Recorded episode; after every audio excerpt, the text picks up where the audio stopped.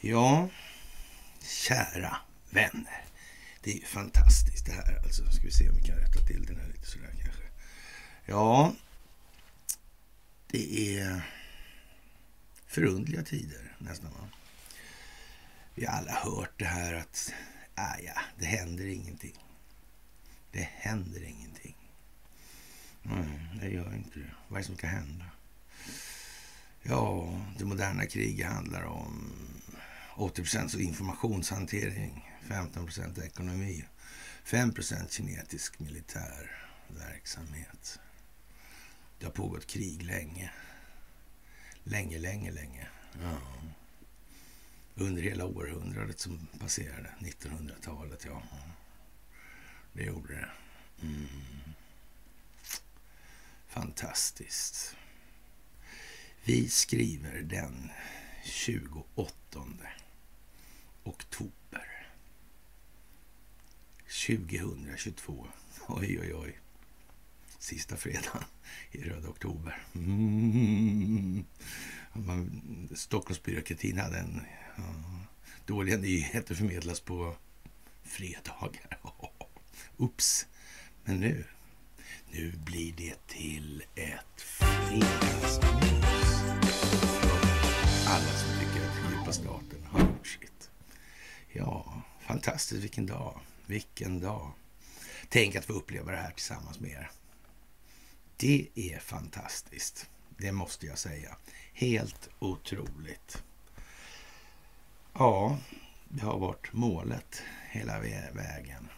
Och nu står vi inför den utveckling av problematiken som gör frågetecknen till utropstecken. Mm. Helt otroligt. Det största av tack till er. Tack för gåvor på Swish och Patreon. Tack för att ni har fördjupat er och att ni fortsätter att fördjupa er på karlnorberg.se. Och eh, tack för att ni följer Telegramtjänsten. Och som vanligt att ni hakar på underpoddar och framförallt då Free People's Movement, att ni hjälper till att sprida det. Det tuggar på helt enkelt. Och det kommer att eh, bli ett eh, jävla tuggande i den delen. Så är det också. Man skrev ju de här gamla böckerna bakom mig och på flera hållet om Sverige, den svenska befolkningen under andra världskriget som inte såg någonting och inte märkte någonting och inte ville veta någonting. Mm, den svenska befolkningen tuggar. Tuggar och tuggar. Karl Gerd skrev en eh, melodi. Mm.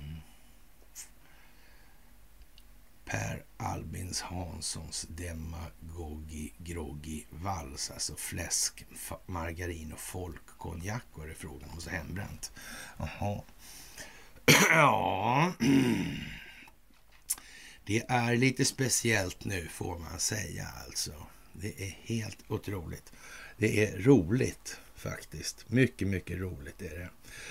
Och Herr Byvald eh, har svarat med ett inlägg på min sida och taggat mig då i det och så står det så här om Sverige går med i NATO och USA öppet ockuperar Sverige. Har jag skrivit då i ett sånt här lite färgglad då. Och då har han skrivit då så är de hjärtligt välkomna. Ja, vad är det där för konstig grej alltså? Mm. Jag kanske kommer tillbaka till det då. Mm. Och det är ju sådana tider nu här och Irans ambassadör portas från Nobelfesten, bekräftar Nobelstiftelsen. Ja, det är ju för jävla konstigt alltså. Ja, och, och stiftelsen hänvisar till den allvarligare och eskalerande situationen i Iran. Ja. Så, har inte Sverige haft någonting med, med några sanktioner mot Iran som på något vis kringgicks med hjälp av eh, den dåvarande amerikanska utrikesministern Hillary Clinton. Har inte, kommer inte ihåg det? Jag tror det. Donald Trump sa någonting om eh, Sverige och det svenska Ericsson då under valkampanjen 2016 där, har för mig. Ja, det tror jag jag minns lite grann av. Det minns ni också? Ja, ja för helvete ni dumma jävlar. här behöver inte ta i så mycket. Bara fråga lite artigt. Ja. ja, ja, det var ju för jävligt det där alltså. Sedan tidigare har Nobelstiftelsen beslutat att inte bjuda Rysslands och Vitrysslands ambassadörer och inte heller Sverigedemokraternas partiledare Jimmy Åkesson. Men som sagt, Turkiet, de bjuder man gladeligen in då, ja. Mm. Ja, fan blir det med, med NATO egentligen om det blir något strul med det amerikanska valet och svenska företag och svenska politiker som inte möjligtvis kan ha missat det här genom de informationskanaler de har genom de svenska underrättelsetjänsterna. Hur fan blir det med det då alltså? Mm. Ja, det verkar ju precis som att eh, det blir någon form av delegationshistoria här alltså. Mm. Jag vet inte. Krigsdelegation tror jag det var. Men, och så var det ju det här med utrikesnämnder och utrikesutskott och, och sådär. Där har man ju faktiskt från Sverigedemokraternas sida skaffat sig en vältalig representation. Det får man ju tillstå. Alltså, kanske man har gjort med någon form av avsikt, någon bakomliggande tanke. Mm, det kan man ju ha gjort. Mm. Men att säga att man har verkat i upplysningens tecken, det verkar väl kanske eh, lite över hövan. Mm. Nästan snudd på ohövligt. va? Mm. Mm, ja, det kan jag tycka. Men, men, samtidigt så har man väl inte sådär in i helvete mycket att välja på från så att säga, den koordinerande sidan då när det gäller att motverka den djupa staten. Man får ta vad man har som Kajsa Warg sa. Och, och, som sagt, eh, då kanske det är bättre att ha en så att säga något mer dold ockupation i alla fall i någon mening. Ja. Jag vet inte. Jag tror Stensö var inne lite grann på det där igår med Kearsarge och ormar och äpplen och hej vad det går. Jag tar lite fasta på det idag jag också. Sådär. Faktiskt, vi har haft de diskussionerna han och jag tidigare sådär, på telefon och sådär. Så det är väl inte sådär så det kommer som en klar blixt, eller vad men en blixt från klar himmel. Det är det ju inte. Men, men eh, ja, och, och det här är ju den dagen, får man säga, som man griper jallarhornen. man Jonathan Lejonhjärta kommer sprängande över de öppna vidderna där och snor den här luren ur Tengils hand helt enkelt. Ja, det där är ju lite speciellt alltså. Mm. Det handlar om Jallarhornet alltså. Mm. Det gör det. Mm. The Bullhorn. Den här största delen på det moderna kriget. Informationshanteringen, opinionsbildningskraften. Den som kan eh, använda sig av reflexiv kontroll och som så att säga sätter narrativet, utvecklingen. Men den djupa staten har inte styrspakarna längre. De har funnit sig i reaktionslägret under en rätt lång tid. Alltså det kommer nya saker. Det innebär att de styr inte planeringen och så har det varit under en rätt lång stund här nu. Mm. Det kan man se om man tittar på detaljerna så att säga. Vem agerar på vad? Vilka ingångsparametrar styr vad? Eller ja, först måste man ju naturligtvis ha en idé om att det finns faktiskt krafter som motverkar och det kan man ju säga är Eh, inte sällan en ganska avgörande anledning till att många inte vill kännas vid att det faktiskt finns det. Alla vill inte all andra illa då för att gynna sig själva, för det blir ju det det handlar om till sist då. Om, om det absoluta behovet är att gynna sig själv, då, det, ja, då blir det ju så alltså. Mm, det kan inte vara, man måste ha någon form av förnöjsamhet, någon gräns. Hur, när är eh, när räcker vad som är nog? Liksom? Mm. När slutar det bästa vara det godas fiende? Mm. Det där är saker man måste tänka på nu och jag är helt säker på att eh, ja, de delarna av andra länder som motverkar den djupa staten håller ett jätte, jätte, jätte spänt öga på den svenska befolkningen och dess reaktionsmönster. Mm. Man följer på något vis det här också på något märkligt vis som vi kommer tillbaka till när vi pratar om ormar i paradiset och sådana här grejer om bara några få minuter. Ja, som sagt, om Sverige går med i NATO och USA öppet ockuperar Sverige, hur fan skulle det se ut för NATO? Ja, för Turkiet skulle det inte innebära liksom, de, om de släpper in de här då. Då, mm. då rå, ens. Mm. ja, jag är lite glad idag. Mina gossar kommer att hälsa på sin pappa idag. Det tycker jag är trevligt. Faktiskt. Det ser jag fram emot oerhört mycket.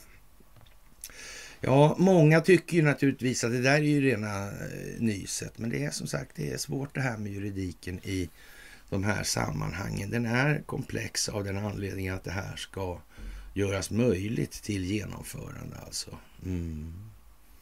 Och det där är ju väldigt speciellt. Alltså det här med Bonnesen och det här. Mm. Det är också en grej. Men som sagt, det stora i det här nu, det är det här med Twitter. Alltså, och, vad har Twitter pysslat med egentligen i de här sammanhangen? Ja. Har de samarbetat med den djupa staten på något vis? Är, är Twitter skapat av underrättelsetjänsterna rent utav? Ja. Har det funnits sådana här speciella...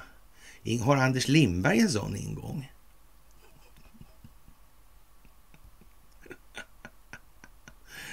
Ja, ja, ja, ja, ja, ja, ja, ja, ja. Jaha, alltså. Åh fan alltså. Ja. Det är kanske kulet där borta i Vändelsögropen, alltså jag vet inte. Mm. Det kan vara det alltså, det, det, det tror jag nog. Och minsann om man inte på eh, de här military news-sidorna då eh, kör upp då en bild nu. Du stävar en liten eskader där, military posts då, en amerikansk. Och den stävar med tre fartyg då i, ja, i förhållande till huvudfartyget här som är en Sumvaltjagare. Ja. Det där är ju lite, de där döptes lite annorlunda förresten, här för mig. Mm, det var inte lika mycket djupa staten bevarande drag i namngivningen som tidigare. Det var stor skillnad skulle man väl kunna säga utan att kanske överdriva allt för mycket. Mm, så där va. Och så där va. Mm. Ja, det där är ju också en sån här grej som man tänker på. Undrar om någon har tänkt på det där verkar ha varit i säck väldigt lång tid. De här är ju väldigt nya, alltså när de börjar byggas. De, och, och, de är liksom inte kompatibla med andra. De är nog inte så lättackade. Nej. Mm. Det verkar vara som att man har lagt liksom en rätt så stor vikt vid att hålla integriteten på de här stridsledningssystemet och de, de här telekommunikationssystemen. Alltså, ja. mm. Kan det vara med någon tanke? Mm. Det här med va? det var väl någonting med det också. Och Wallenberg har för mig någon gång. Ja. Och, och Saudiarabien, va? var det inte det? Ja. Hade du någon Saudi-affär förresten? Nej, hade vi inte. Jo, men det hade vi faktiskt. Och i grund och botten, vad handlar allt det här om då? Det handlar om strategiska naturresurser. Det handlar om energin till exempel. I mm. Tillgången till energi. Mm. I förhållande till tillståndet på det monetära systemet, det valutafinansiella systemet. Det här skuldmättade systemet. Det här systemet med enskilt kontrollerade räntebelastade skulder som allmänt betalningsmedel. Ja, det där är ju lite förargligt, märkligt nästan. Mm. Jag undrar, ja. Ja, som sagt. Och om då de här kolvätena då inte var så eftertraktade, då skulle så att säga en stor del av kontrollen över planeten gå om intet för den djupa staten. Så det fick ju liksom inte hända. va? Mm. Det var liksom inget, inte moget för den typen av paradigmskifte. Det går inte. Energin är en för stor del i det här helt enkelt. Mm, det får man komma ihåg lite här nu. Sådär, och, och vi drar oss till minnes, ja, de här breven som Christian Birkeland skrev till Wallenberg. Han var ju med tillsammans med Wallenberg startade det här Norsk Hydro, det som grundade Nobel, då, stiftelsen och det här, mm, i Norge. Mm. Ja. Och det här var 1906 och sen hade han ju otur där Birkeland när han åkte hem från Japan 1907. Ja. Mm. Men det där var ju förargligt. Ja, det synd att han dog menar jag. Eh, och den här, eh, ja, det forskningsmaterialet det kom ju aldrig riktigt hem. Det försvann. Så tokigt. Ja. ja. Samma år emellertid, det här 1906-året alltså, det här är under det brinnande rysk-japanska kriget. Mm. Den 20 oktober 1906 fick Christian Birkeland ett brev från Helsingborg på eh, samma tema. Alltså. Wallenberg sa nej alltså, till att finansiera det här. Mm. Och då hör väl till saken också att i historien med Birkeland, han hade ju ofta problem med pengar. Mm, han var inte så intresserad av det. Han ville hålla på med mera vidlyftiga tankar helt enkelt. Inte en jävla snöd penningmånglare liksom. Ja, men det passade sig inte så där jättebra alltså.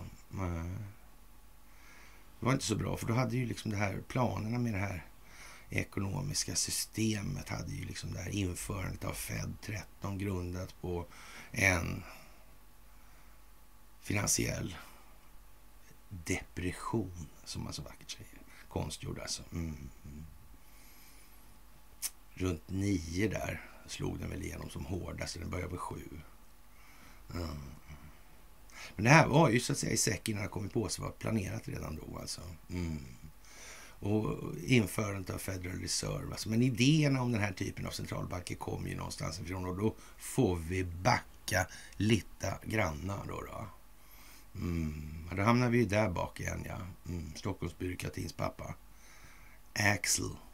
Mm. Ja, ja.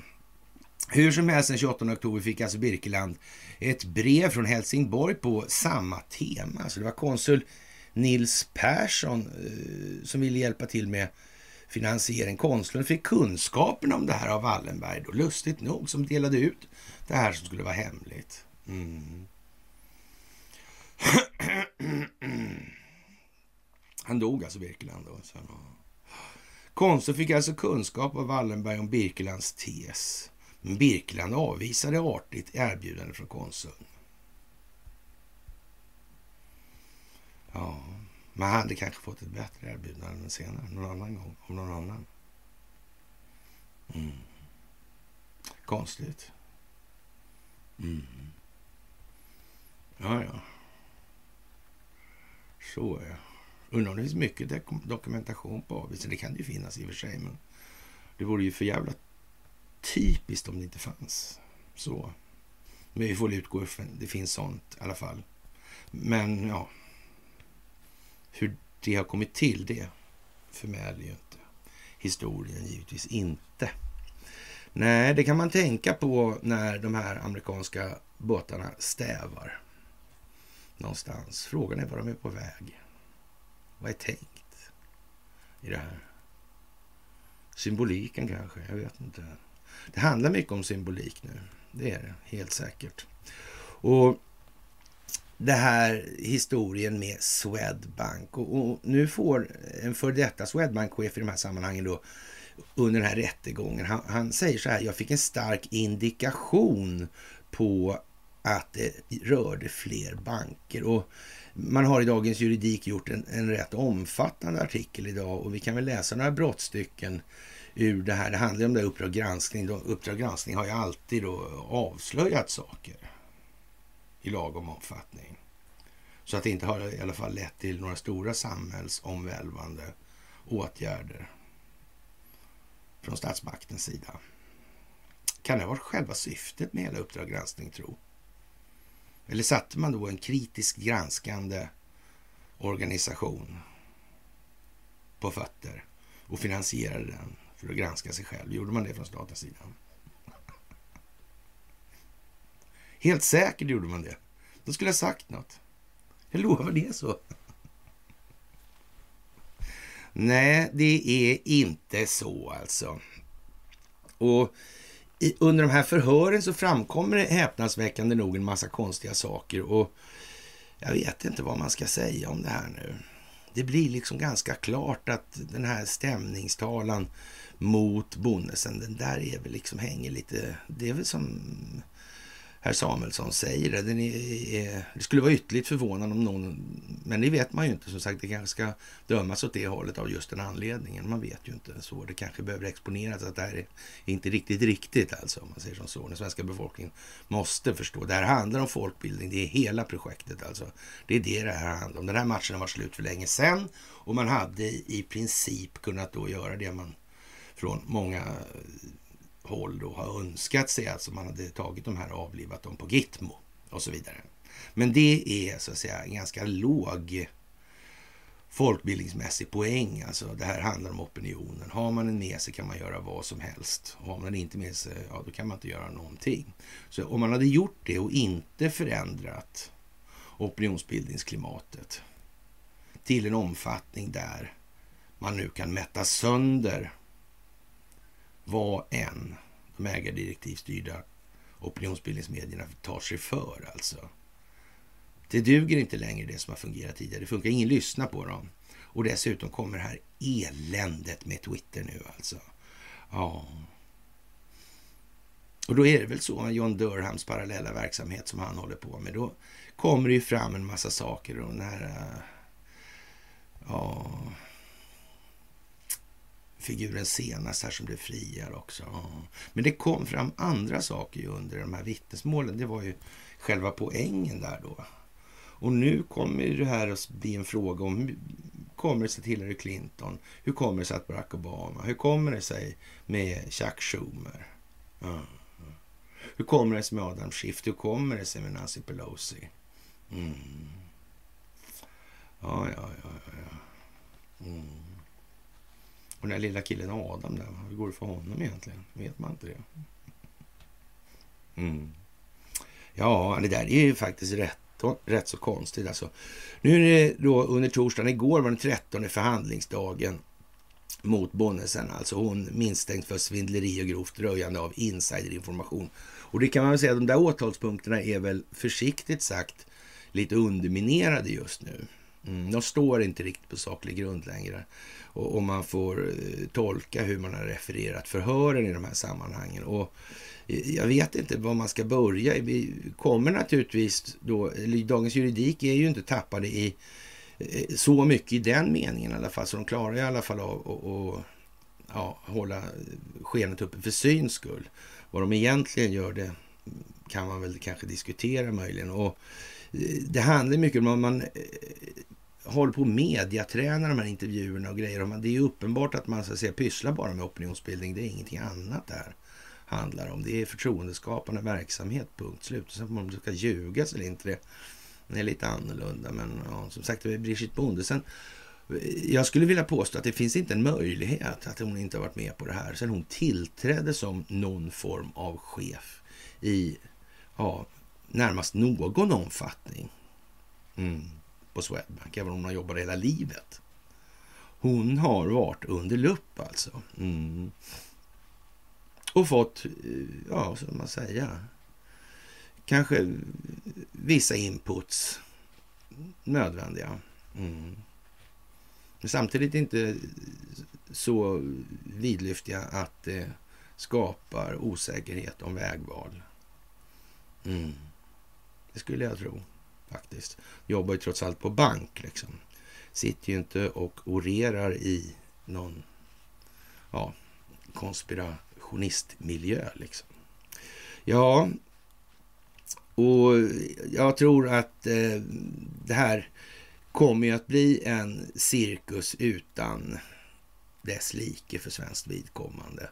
När allt det här nu går ihop alltså. Och brottdatumet för det här, det är ju i princip idag då när det här förvärvet ändå tycks eller gå igenom. Och det innebär ju att allt vad de har pysslat med i de där sammanhangen med underrättelsetjänster, det kommer att finnas tillgängligt. Så det är inte ens säkert att han behöver ta upp det i den meningen. För det kan ju vara så också att man inte vill åstadkomma så stor skada på de här plattformarna, för de går ju att använda i den meningen också fortfarande. Mm. Det är ju så. Och det här med att man har ägnat sig åt att censurera på det sättet. Mm. Det får ju den svenska informationsstyrelsen, eller statens informationsstyrelse då, under 30 40-talet där framstå som en ganska så ja, frisinnad organisation. Det var det ju inte det naturligtvis. De här grå och gröna lapparna, självklart inte alltså. Med, med statsråden Bagge och Holmberg och professorn Erik Welander, språkvården där. Ja, sittande på sitt, i sitt elfenbenstorn och tittande ner på populaset. Ja, det kan man ju säga är lite speciellt. Och när det gäller den här rättegången så är det väldigt, väldigt konstigt för då kommer den här eh, Magnitsky-affären upp också. En av punkterna handlar om pengar från den omtalade Magnitsky-affären.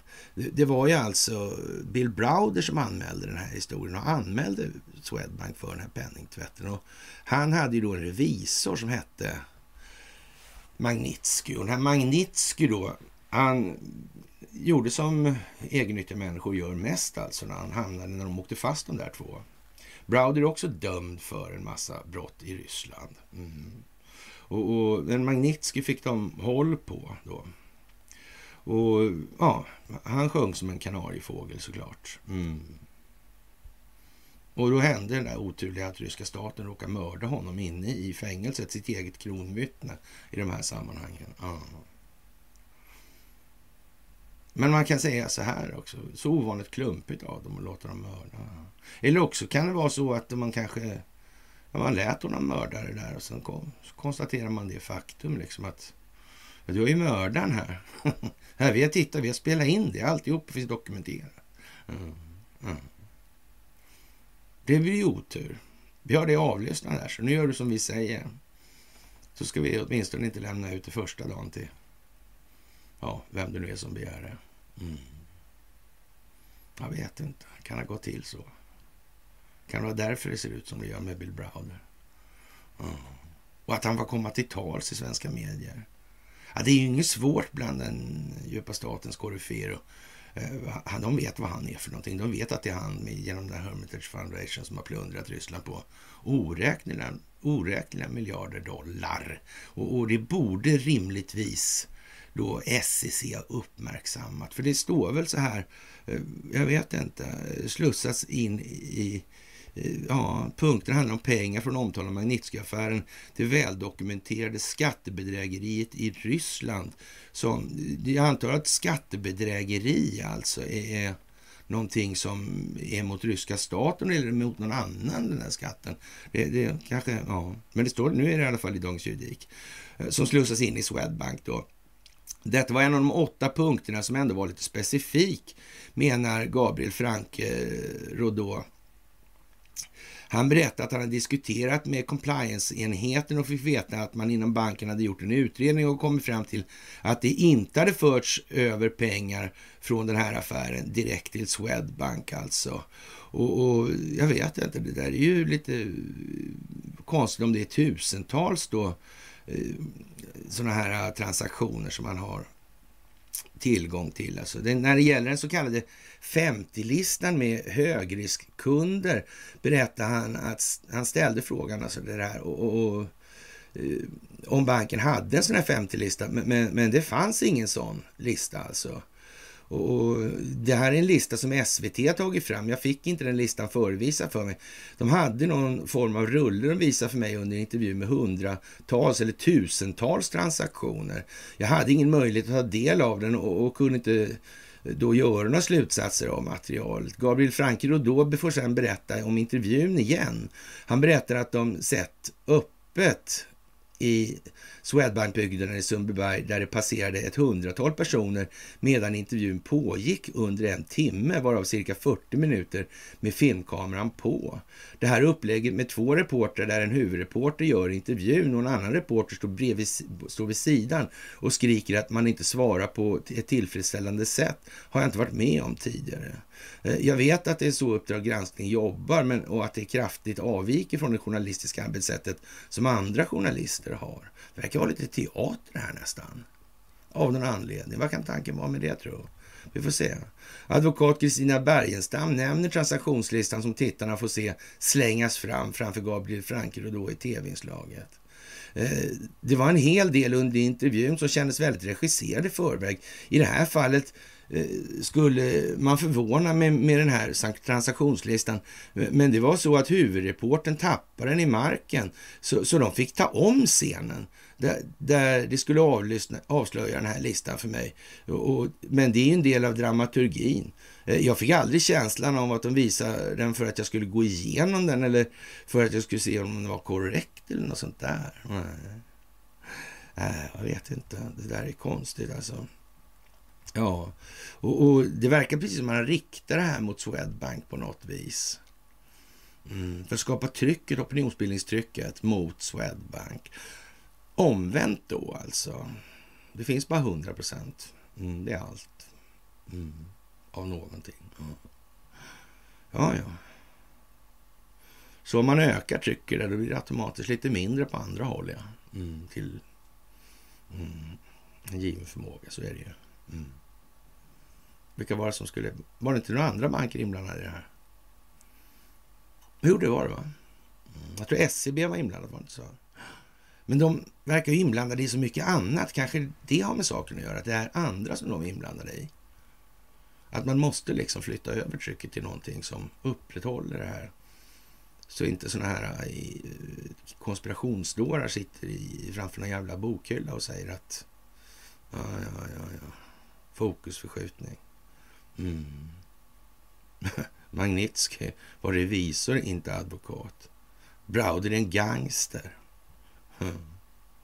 Det kan alla som läser till förstå. Ja. Oj, oj, oj, oj, oj, oj. Jaha, och eh, som sagt, det är teater och ingenting annat faktiskt. Och det här med insiderinformationen, är du eniga om att det inte var insiderinformation, frågar man här då. Och, och, ja, jag skulle säga av dubbla skäl. Dels av skälet att den information som vi hade av programmet var inte av sån substantiell eller precis art att det fanns anledning att offentliggöra eller skjuta upp ett offentliggörande. Den andra punkten är att jag inte kan minnas att någon bank eller motsvarande börsbolag innan detta hände har skickat ut ett pressmeddelande där man hänvisar till MAR-regelverket alltså mm, och offentliggör information som ligger till grund för ett tv-program. Det här är ju fan konstigt alltså. Mm. Ja, ja, jag vet inte. Det här är ju liksom... Verkar ju helt riggat alltihopa. Kanske för att hamna just här. Där vi befinner oss just nu. I verkligheten alltså. Mm. Kan det vara så alltså? Mm. Och samtidigt händer massa saker. Det är bara...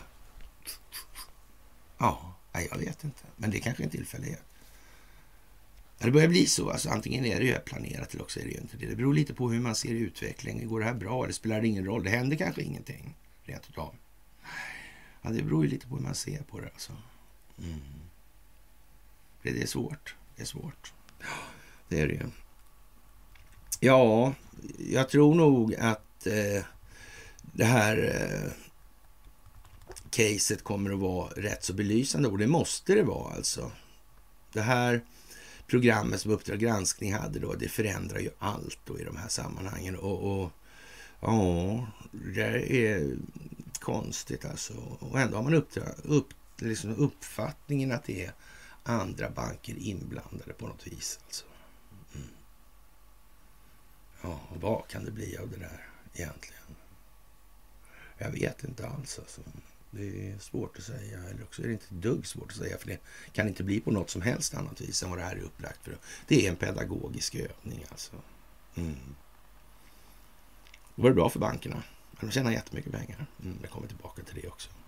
Det verkar på något vis negativt alltså. Electrolux går så där alltså. Massivt sparpaket alltså. Tusentals tjänster ska bort. Alltså är inte det där någon gammal kvarleva från Krügerkoncernen? Jag tror det. Jag har för mig det. Va? Mm. Det är lite undligt att det kommer så här nu, måste jag säga. Ja, Skansenkobrans flykt, en eh, världsnyhet. Hur kommer det sig att de här eh, strategiska partners som CNN och, och de här eh, kör samma tema liksom? De, det är inte så att de har motsatta eh, vinklar på, på problemformuleringen. Nej, det är alltid en, given, en viss given undermening inom ramen för polariseringskulissen. Det är någon som är lite bättre och någon annan som är närmast förkastlig. Mm. Sådär alltså. Mm. Och eh, det är ju märkligt att det här har blivit en världsnyhet. Alltså den numera välkända kungsskolan Sir Väs, alltså det är den där i eh, Robin Hood tecknade. Ja, just det. Som rymde från eh, ja, Skansen-akvariet i lördags var vid lunchtid på torsdagen. Fortsatt på fri fot alltså. Ja, det kan man ju säga vad man vill om den formuleringen. Alltså, enligt Skansenakvariets ägare Jonas Wahlström, inte Jonas Ahlströmer som jag sitter och näsvisar med och, och säger att jag associerar till, men det vet man ju inte. Mm. Ja, är det mest troliga att ormen ligger och trycker någonstans i byggnaden. Ja. ja. På, och parallellt med jakten på den listige ormen som försvann genom en lamparmatur har historien blivit ett hett nyhetsstoff för nyhetsmedier världen över. Hur är det fan med det där Red Bee? Är det någonting som kan påverka någon någonstans? Skulle det kunna vara så? Ja, och det är inte bara där då liksom i så fall. Utan det verkar vara på lite fler håll alltså. Ögonblicket då den farliga kobran rymmer från det svenska sot lyder den dramatiska rubriken i tidningen El Nuevo Dia i Puerto Rico som publicerar en video från händelsen på Skansen. Eh, flera har valt att lägga fokus på kobrans nya smeknamn Houdini efter den välkände Utbrytarkungen alltså.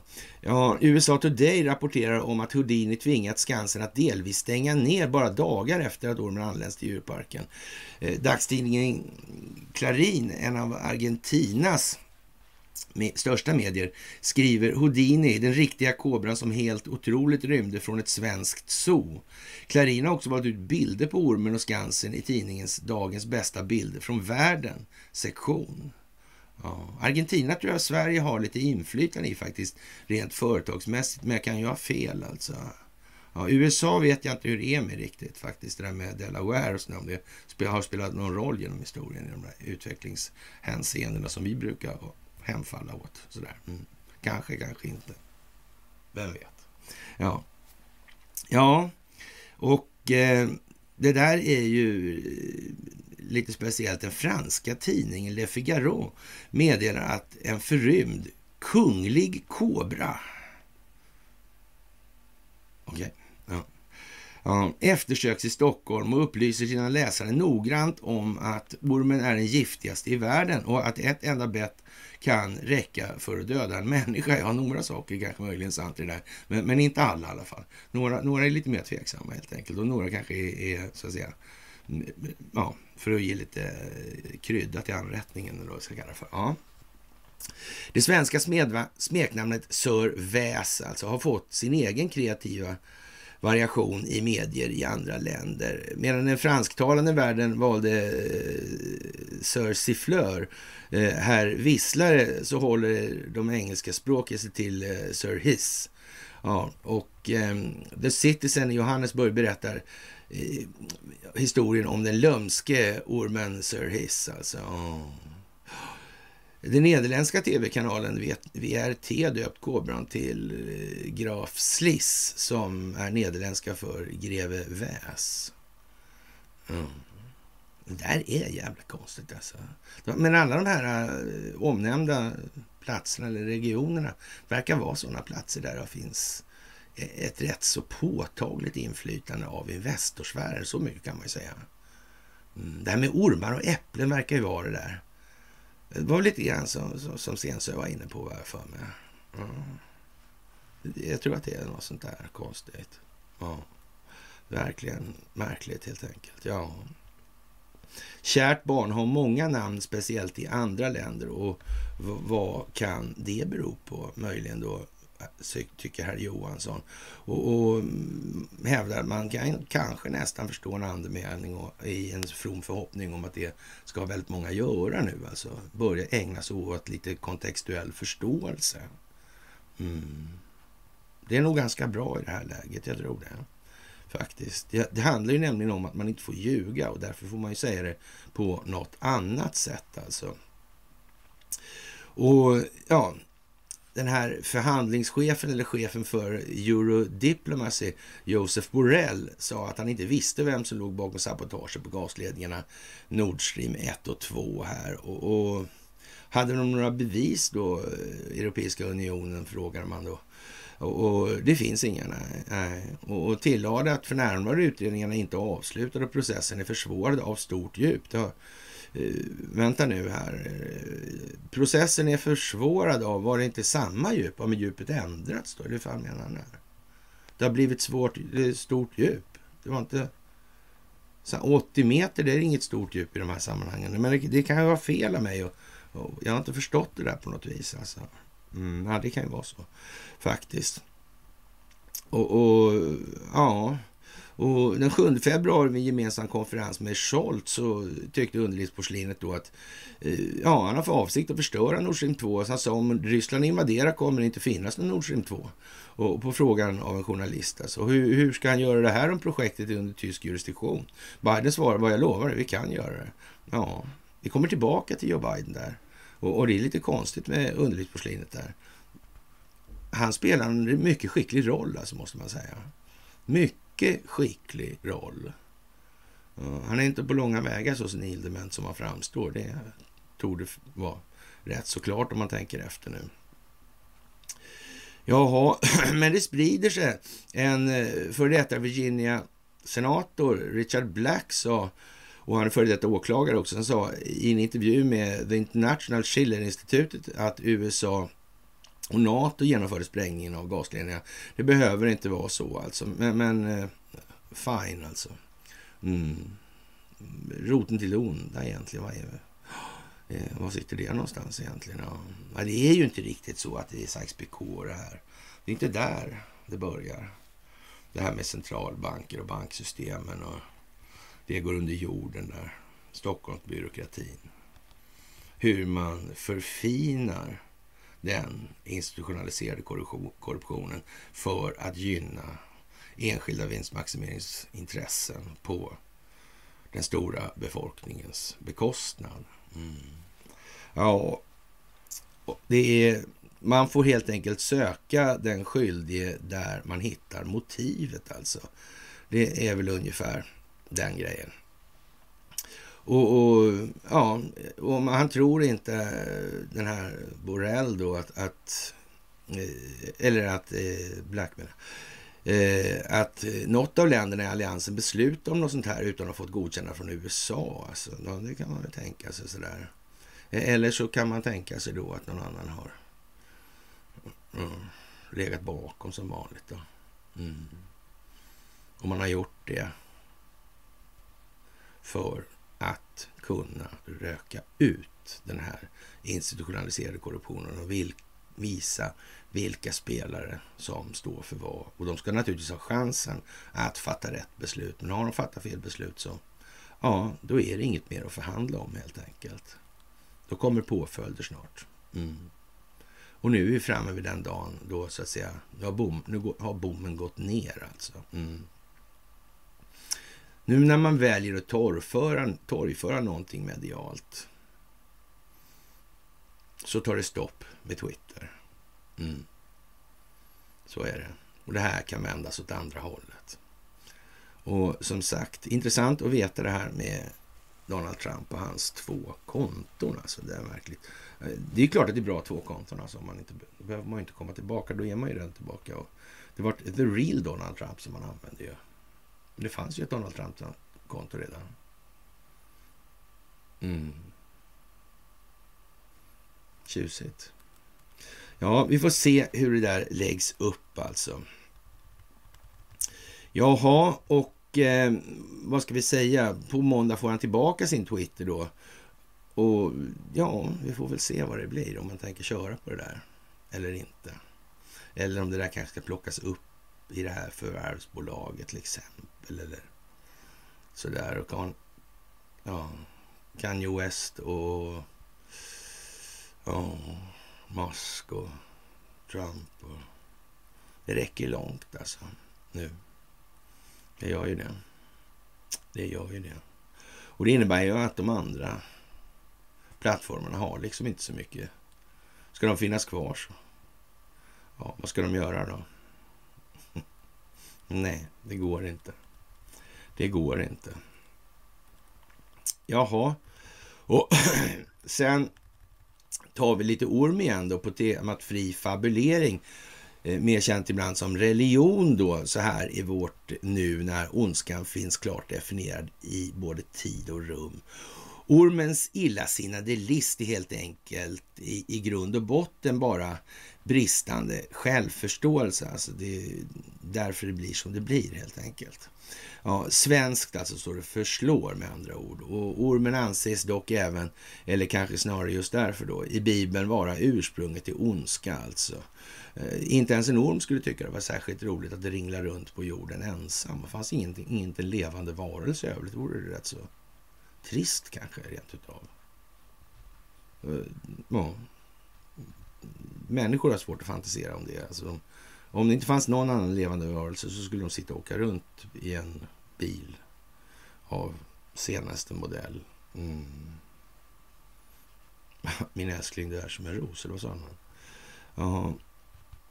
Det var, nej, det var det inte, utan det, det var rosen med Arne Kvick, va? egentligen. Mm, så var det faktiskt. I första Moseboken, så, lika gammal alltså som den låter. Första Moseboken är alltså som en talande orm, alltså som lurar de första människorna, Adam och Eva, att äta kunskapens frukt, alltså ett äpple just alltså. En orb skulle vi väl säga då och på så sätt ger den upphov till syndafallet alltså. Den polska varianten finns ju som bekant också där då från 1600-talet och så. Ja, som straff för tilltaget förbannar Gud ormen så att den blir utstött från andra djur, eh, vilda och tama. Ja, och då, men då ska de vara fler ormar då som blir så kan de bilda något litet gäng då i alla fall och, och alltid tvingas kräla på buken och äta jord. Ja, det gäller som liksom bekant att hålla konflikten igång alltså med den här religionen i den meningen. Mm, det har man ju visat. Det är inget snack om att förlåta ormen eller? Och kanske försöka förklara för ormen att det där är ingen bra grej alltså. Förstår du? Du måste äta palsternacka så att du inte går av för hacker och morotselleri och sånt. Det är heller inte illa. Det tror jag var Ulf Peder Olrog för mig. Jo, jag tror det. Norrmannen där alltså. Mm. Ja, hej och ja, just det. Bamse var som är så snäll och rar. I samma tema där på. Var det någon jävla kuplett eller?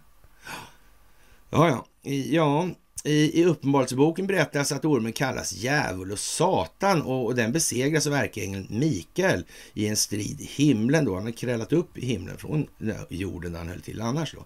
Ja, ordstävet den som gräver en grop faller ofta själv där i.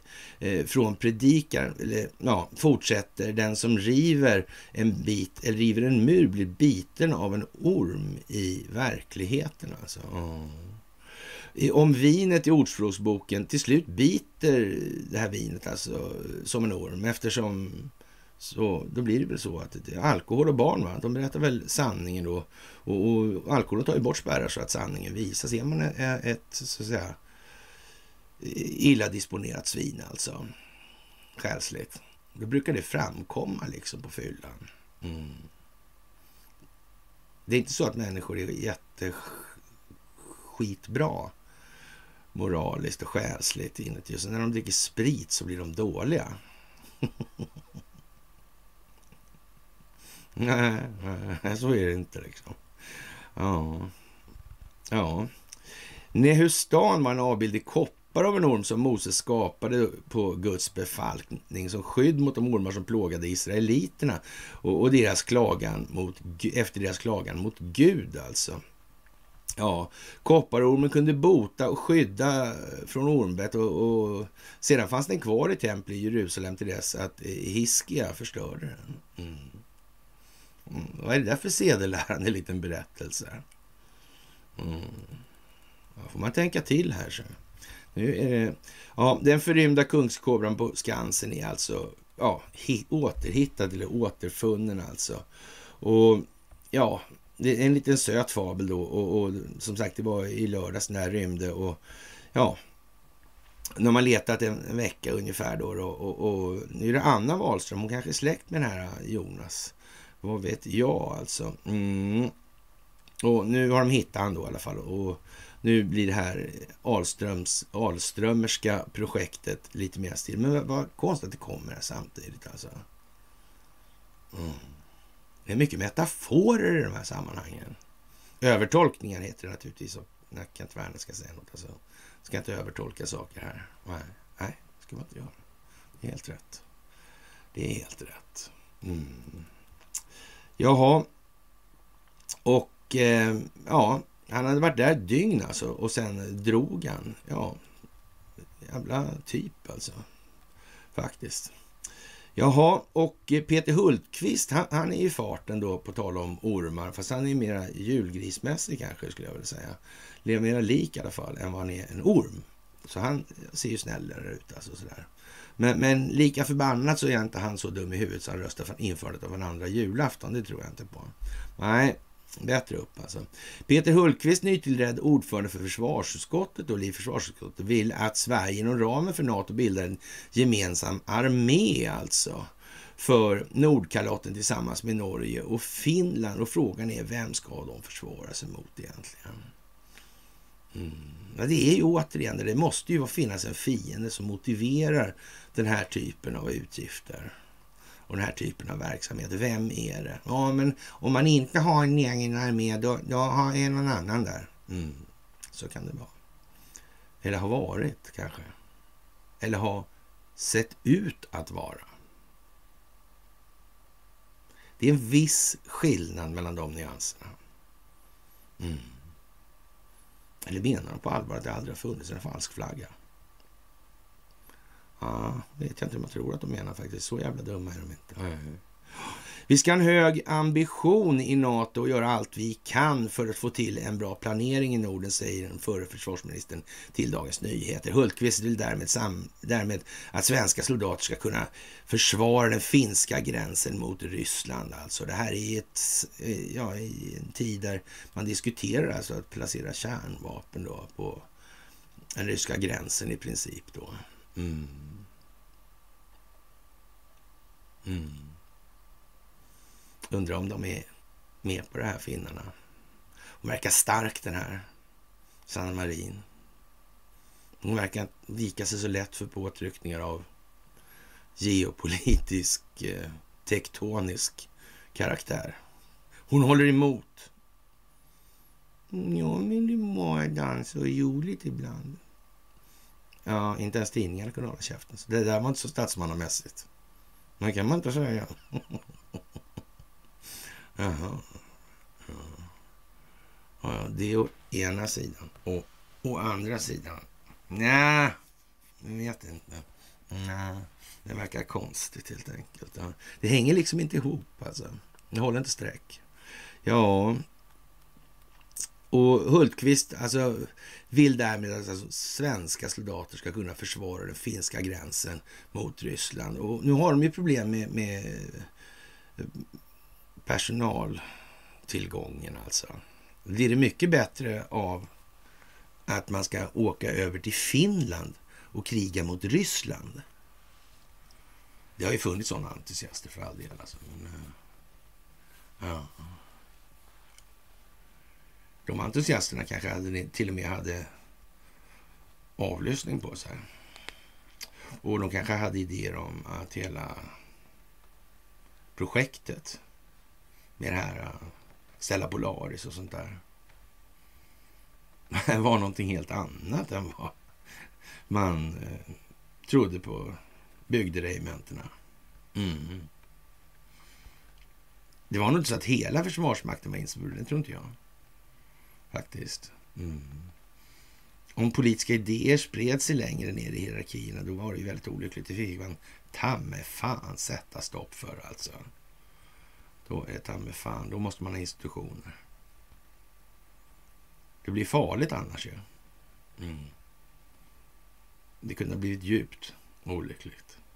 Ja, bocken i örtagården kanske man skulle kunna säga då. Ja, vi har ett gemensamt ansvar. Det är en av grunderna i Nato, det, att man tar det här kollektiva ansvaret, säger Hultqvist. Den här fem, paragraf 5, alltså i Atlantpakten, mm, NATO-fördraget alltså. Ja.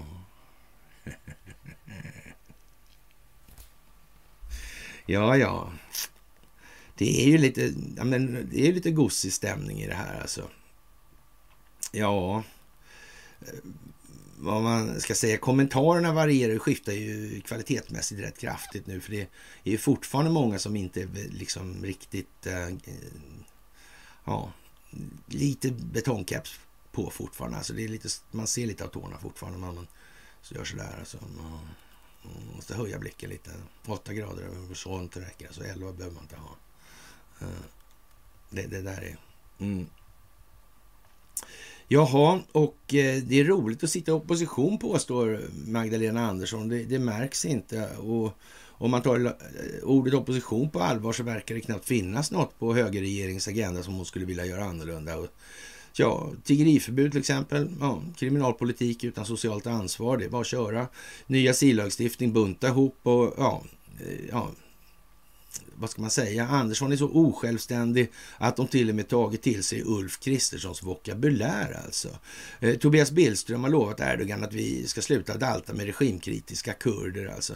Ann Linde sitter tyst och tacksam över att eh, han tar över det mesta av skitjobbet som hon skulle ha påbörjat, eller som hon påbörjade alltså.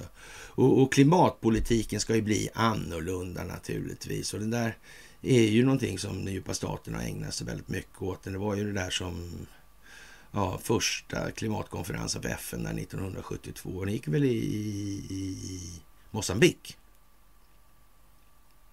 Schweiz. Var det?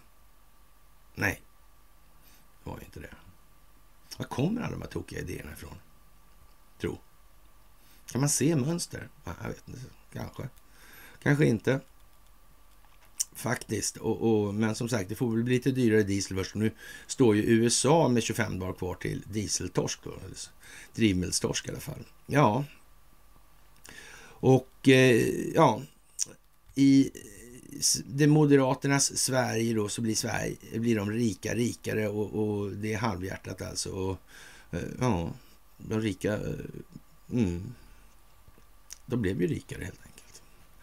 Jaha, allt är bara blås i det här alltså. Och man kan ju hålla på och vika ut sig i det här hur länge som helst alltså. Men Andersson verkar invänta Ulf Kristerssons dikeskörning så att de själv kan ta över för att sen kunna frakta oss i samma riktning, helst med Moderaterna i sätet bredvid. Och, och, om inte Socialdemokraterna tänker bedriva opposition på riktigt, om Kristersson ska vara Jimmie Åkessons välskräddade buktalardocka, vad blir det kvar av demokratin? Frågar Aftonbladet där. Och, och, jag vet inte vad man ska säga om Aftonbladet i det här läget. Är hon så där in i helvete dum i huvudet? Eller är det här ett steg? Ett litet steg? En liten tugga. Mm. Det går kanske inte att ta allting på en gång. Nej. Det tror jag blir för mycket. För det här handlar om folkbildning alltså. Mm. Det handlar om jordens genom tidernas största folkbildningsprojekt. Grundat på en amerikansk stingoperation.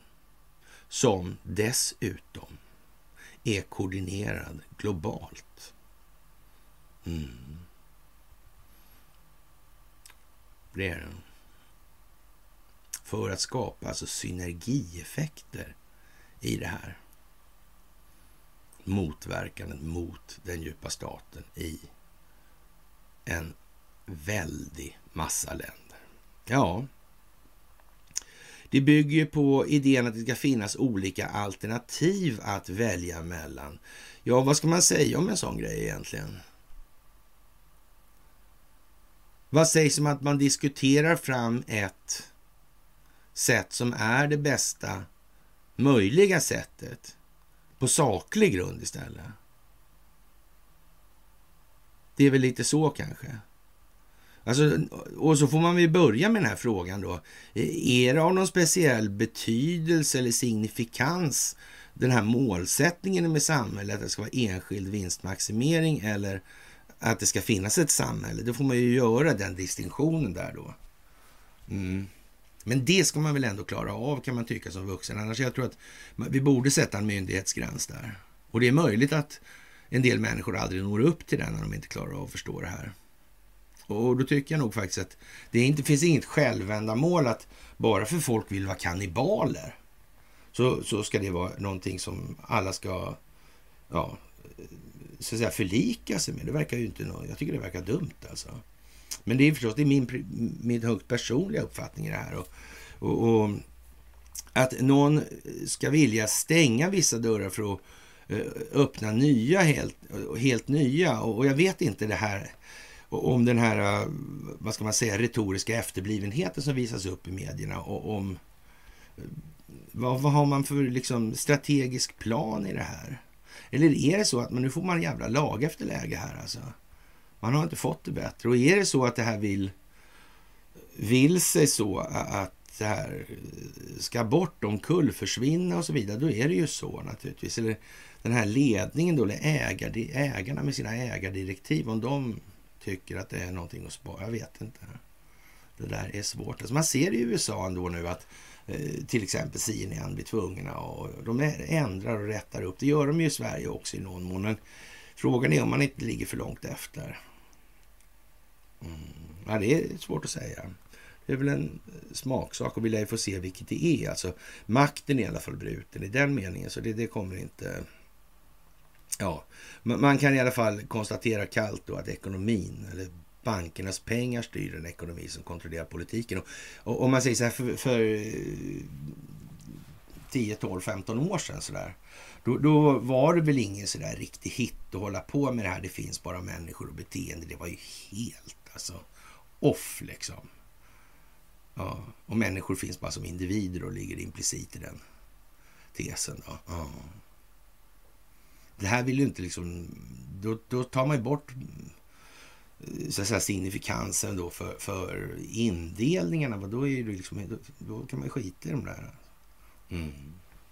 Ja, det där är lite eh, sådär. Mm. Men, men, eh, ja, en del lär sig sent i livet olika saker.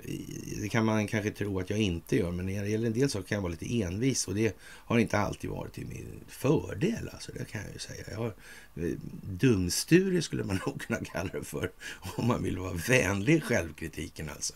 Det kan man ju säga, eller jag säger i alla fall. Ja, ja, det finns gånger jag bitit ihop ordentligt, det kan jag garantera. För att bara liksom, var jag får ge igen så.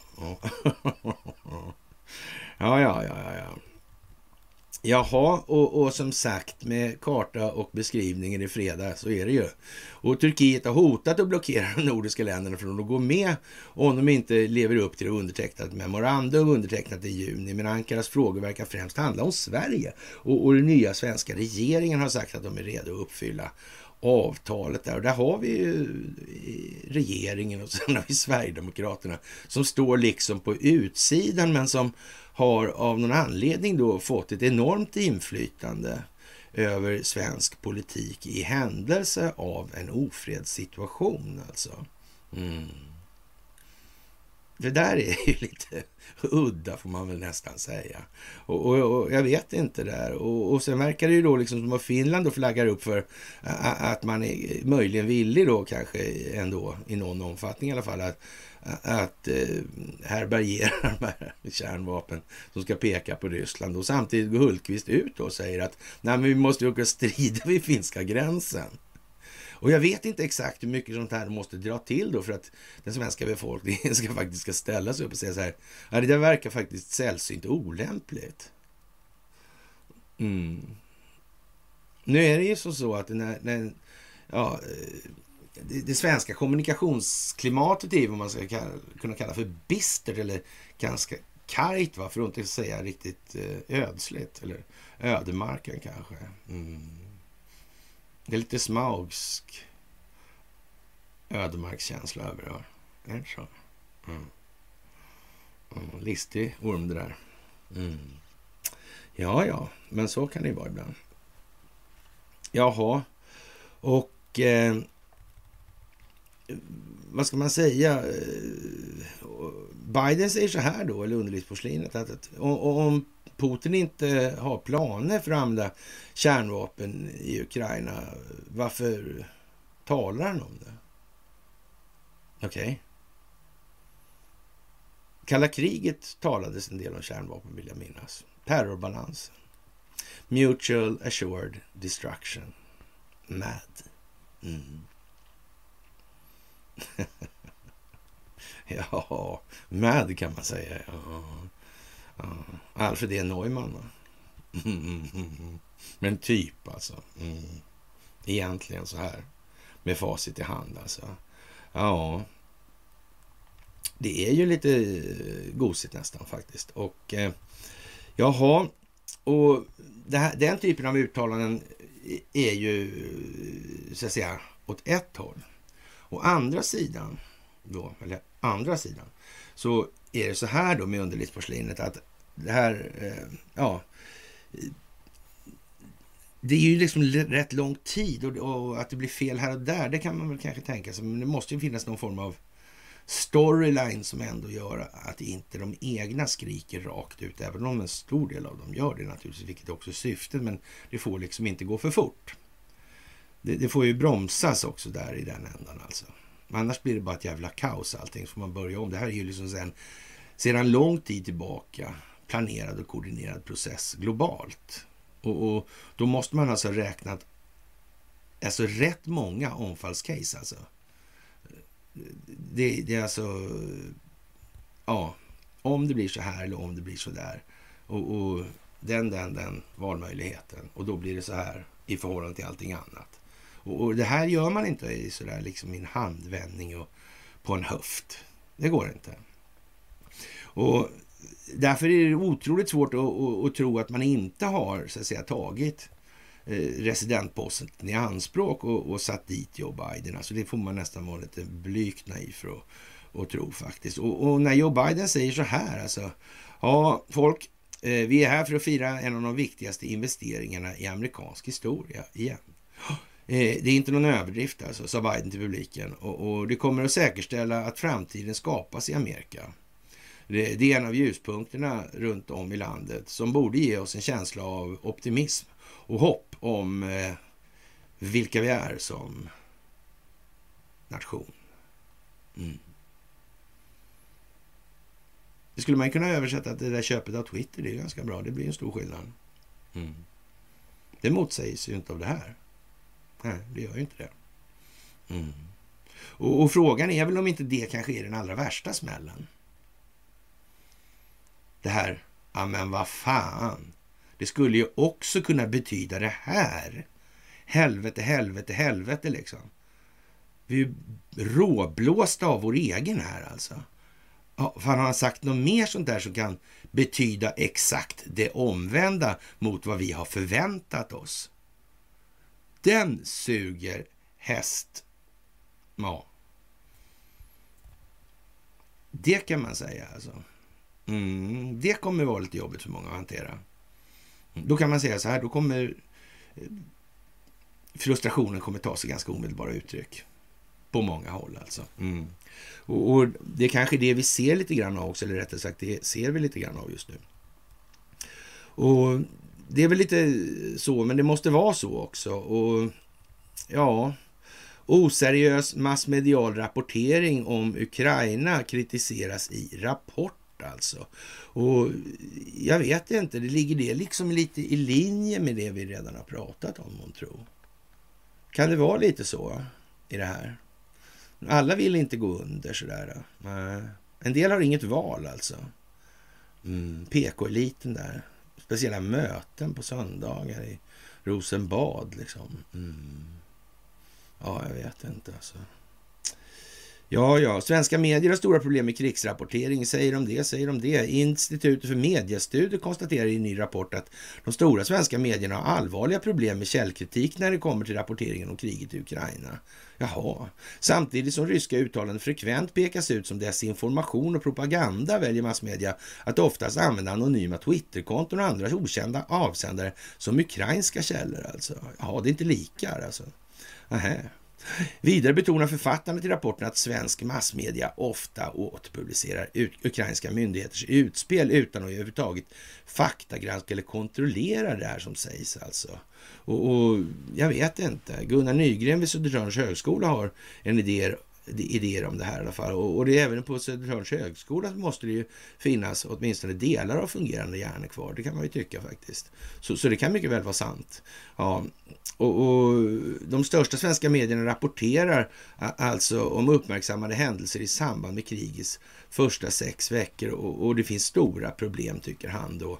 Och, och, hans kollega Anders Widholm som är docent i journalistik ser de svenska etablissemangsmedierna eh, ja, att de vid flera tillfällen inte kan verifiera vad som faktiskt har hänt och vilken sida som har rätt i det här alltså. Och, och ja, jag vet inte. Tänk att det kommer just nu och det här med Twitter kom samtidigt.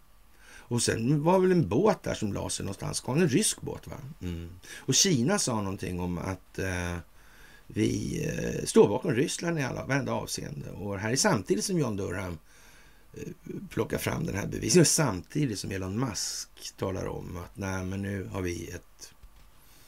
Ja, vi har tillräckligt med artilleri nu för att mäta sönder ert försvarssystem. Alltså. Ert luftrumsförsvar kommer läcka som en ost efter Schweiz ost. Schweizerost heter det till och med. Mm. Ja, ja. Jaha. Eh, mm. 90 procent av rapporteringen sker från Sverige och inte på plats i Ukraina. Ja, och då är man ju beroende av de internationella nyhetsbyråerna och medierna säger då, de här två lökarna då från Södertörns högskola alltså, och påpekar att nyheterna, nyheterna ofta går igenom flera olika filter innan de når svenska tittare och, och läsare. Alltså det, jag vet inte om de där filterna färgar om de där ja, värdeladdningarna eller informationsinnehållen. Mm. Kan det vara så? Kan det finnas ett syfte med det här? Jag vet inte. Det, eller, ja, Ja, jag vet inte. Och, och det kanske bästa sättet att göra det här på eftersom det är ju snudd på genetiskt betingat hos den svenska befolkningen. Vi vet ju att de där är dåliga och vi är bra då. då. De är dåliga och vi är bra. Vi pekar på oss själva alltså. Med tre fingrar. och det är väl därför att vi är bra och inte att det är vi som är dåliga utan nej. Tre gånger, det är inte så alltså. Så det får man inte tro. Mm. Ja, det är den svenska modellen, förklaringsmodellen i alla fall. Ja, och, mm. Ja, I studien noteras också att svenska medier i sin rapportering de är eniga. Alltså de är inte ens oeniga. Är inte det konstigt att det inte finns några oeniga stora medier alltså? Det är ju lite konstigt. Vad sa Nigel Farage?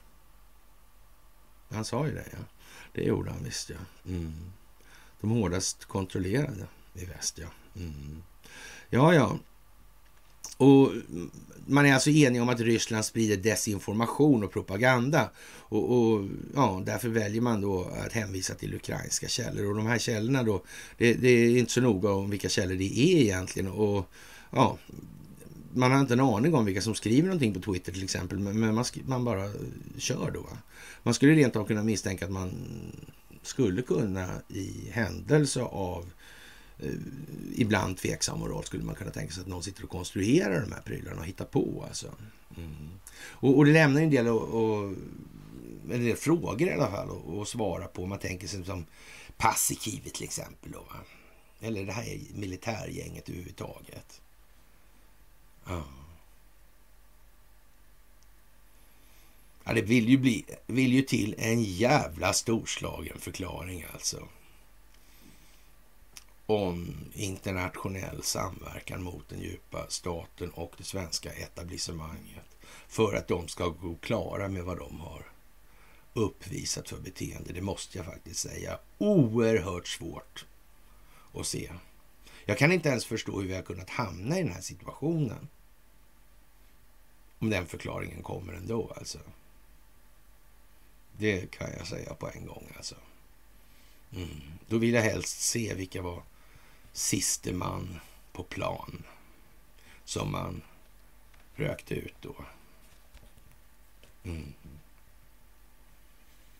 Ja, ja, för all del. Vi vet inte vad som händer i Ukraina. Så, ja, vad som egentligen är den här äh, kollat, ja, kollaterala skadekostnaden, collateral damage. Då. Så, mm, det vet ju inte vi riktigt. Nej, det är det som står här. Vi vet ju faktiskt inte det. Nej. Så, mm. Det är inte så vederhäftigt alltså. Ja.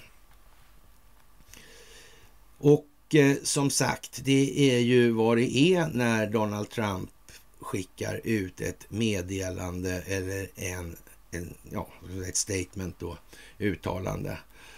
Och eh, han gratulerar Elon Musk till köpet av Twitter alltså. Och eh, ja, många säger då att Eh, den här förändringen är nödvändig och den är planerad sedan länge och den har dragit ut på tiden exakt så mycket som den ska göra för att koordineras sam eller, ja, ur ett koordinationsperspektiv då. Ja, äga rum då när en rad andra omständigheter sker. Samtidigt så får skapa de här opinionsbildningsmässiga synergieffekterna som man kan få i det här för att folk ska se mönstret när de korstabulerar sig. Men titta här och titta här och titta där. Och, och vi kommer alldeles strax tillbaka till det där. Och eh, han har fått klart för sig då att han ska få tillbaka sitt eh, Twitterkonto på måndag. Men han har ett till alltså. Som heter Donald, det heter bara Donald Trump. Det, det har han använt. Det heter Real Donald Trump alltså. Och, och, så han behöver ju inte komma tillbaka om det inte är så. Han har ju redan ett. Alltså, och, och tiden för honom att dra ihop ett antal följare, det kan man ju säga så det är nog försvinnande liten helt enkelt. Mm. Ja, det är ju så. Och eh, ja, vi får se, säger han i alla fall, om man tänker köra det här. Och eh, ja, Eh, ja, som sagt, det här är speciellt så in i helvete just idag alltså. Och Kina påstås driva hemlig polisstation i Stockholm enligt Safeguard Defenders då. Och, och jag vet inte, kanske det är någonting med... med ja. ja, det var den där... Äh. Mm. Där bredvid Nybroviken där va? Mm. Det var något där. Var det inte det? Mm. En gata. Men de hade något trafikkaos, eller trafikkontroll. Eller? Jag vet inte. Men va, ja. Och, och, bakgrunden till den här polisiära verksamheten i Sverige då påstås vara att den kinesiska kommunistregimen försöker få bukt med det omfattande telefon och nätbedrägerier som enligt myndigheterna ofta begås just av kineser som är bosatta i andra länder. Alltså. Och, och, därför har eh, man enligt Safeguard Defenders byggt inofficiella polisiära servicekontor alltså. Och ja, jag vet inte. Mm. Det där är ju mycket speciellt alltså. Vad gör de här egentligen ens? Mm. Det måste ju finnas en massa saker. Det måste finnas en massa mot uppgifter i svenska register i förhållande till kinesiska register. Från långt bak, sedan gammalt tillbaka. Mm. Det måste det finnas. De här entiteterna som motverkar den djupa staten har kanske förstått att man ska kartlägga det här historiskt för att se hur den möjliga utvecklingsriktningen ser ut utifrån ett visst givet intresse, alltså en viss moralisk disposition. Mm. Det klarar datorn av att räkna ut. Mm. Kan man behöva de här uppgifterna, alltså dokumenterade? mm, kan man behöva. Jag undrar om Wallenbergarkivet är någonting för någon att ha egentligen. Varför var de egentligen alla hållhakarna någonstans? Ens. Mm. Jag minns en gång när någon sa så här, men hur vill du ha det då? ja, eh, jag vill inte ha det här jävla skitsystemet i alla fall. Ja, men det har väl fungerat ganska bra, eh, ja, som det har varit för oss i alla fall. Ja. Ja, det är möjligt man kan uppleva det så, men jag är inte övertygad om att alla ser på saken likadant. Alltså, det tror jag inte. Eh, nej, det var en lång diskussion Alltså. Timtal. Ja, ja, som sagt. Och eh, ja, man säger då att det är den lokala polismyndigheten i King Tian som driver kontoret i västra Stockholm. Där, och det här ska vara beläget i ett hotell alltså. Och ja, den hemliga polisverksamheten, det här är ju olagligt alltså. Det finns cirka 50 inofficiella poliskontor i ett 30-tal länder alltså. Mm. Men som sagt, det måste ju vara så att det finns en massa information som ska flyttas. Mm. I den meningen. Det kan finnas originaldokument som ska transporteras i det här. Till exempel information. Mm. Ja, vet inte jag. Vi får väl se vad det mynnar ut i helt enkelt. Ja, all eyes on the Swedish deep state, tycker Alberg. Och det kan man väl kanske eh, säga sådär eh, ett passande sätt att beskriva det här på just nu. Alltså.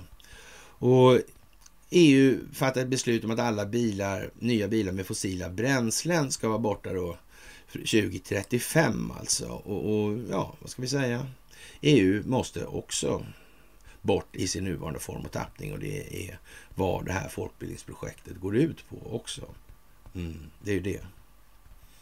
Vi utgör alltså en del i det här syftet. Vi ska se till att Nato försvinner i sin nuvarande form och tappning. Vi ska se till att EU försvinner i sin nuvarande form och tappning. Ja. Vi ska se till att vår svenska befolkning har en bättre moralfilosofisk disposition. En bättre sån som gör att man bättre kan beskriva verkligheten, att man bättre kan förstå sig själv och sina egna känslogrundande värderingar och lättare ta sig vidare i sin egen individuella utveckling. För det är bara då samhället kan utvecklas. Ja, den där litanian har ni hört så många gånger så det liknar ju ingenting alltså. Och som sagt, eh, ja, den här tidsfaktorn eller vad man ska kalla för då, markörfaktorn då när man eh, från en av de här utredarna, 2000 mulor och sådär, då, ja, man, man hamnar i finkan alltså på måndag. Och om man inte ställer upp på villkoren som staten ställer då. Alltså, mm. alltså man, man upptäcker alltså valfusk. Man redovisar grunderna, de tekniska grunderna, den tekniska bevisningen, så den sakliga grunden i allt det här. Och, och, och, då åker man i finkan alltså. Det, det är väl alltså... Den avslöjande valfusk leder till fängelse alltså. Jag vet inte om det blir så mycket. Är inte valen en ganska central del i, i, den så kallade demokratiska processen? Det kan man ju tycka. De flesta håller med om att det har en viss betydelse så tillvida. Det är ju så. Mm. Och allt syns nu öppet alltså. Ja, och i ljuset av i princip totalt obestridliga parallella perspektiv så blir det ju lite, inte bara så jävla lite, utan det blir ju lite vad det blir i totalen alltså. Om exempelvis då Vladimir Putin har börjat skratta öppet numera då åt frågor om kärnvapen liksom. Och bara, liksom lägg ner nu för fan då liksom. Ja, och, och ja, och ett litet Kina då som uttrycker sig stå bakom Ryssland i allt då. Alltså det här Ryssland då vars fartyg ligger bredvid svenska fartyg vid Nord Stream då helt plötsligt då. Och, och, och dessutom bedriver ju det här lilla Kina då som vi sa närmast öppen, polis, öppen polisiär verksamhet i Sverige. Och, och då vet vi i alla fall att eh, verkligheten den finns bara nu och att Elon Musk gör en Jonathan Lejonhjärta alltså. Ja, han sätter av i spårsträck där bort mot Tengilas och så rycker han kattlaluren. oh. Och frågan är väl alltså om det som händer nu är att man blåser i den här hornet direkt. Mm. De flesta måste ju förstå nu att det faktiskt... För trots allt så finns det ju lite grann i, i den här då mm, påsen som innehåller Twitter då. Ja. Det där är ju faktiskt eh, udda. Och som sagt, det, det, slutar rulla lite luta nu på något vis. Alltså. Nu faller det fritt istället. Mm. Nu blir det tempo. Och, och, då får vi vara tacksamma om det inte händer så mycket. Alltså. Mm. För nu tar det en jävla fart på en gång i så fall. De har ingen kraft att motverka. Nu ser det ut som det gör. De, de har ingenting att skriva om. Det ser vi på att en jättestor mängd, inte de givet kontrollerade, alltså, för de är ju givet till att haka på. Alltså, mm.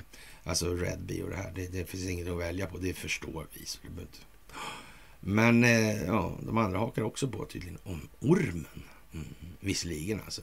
Vi hittade ju båten häromdagen. Alltså, det är så, de kanske är religiösa. Ja.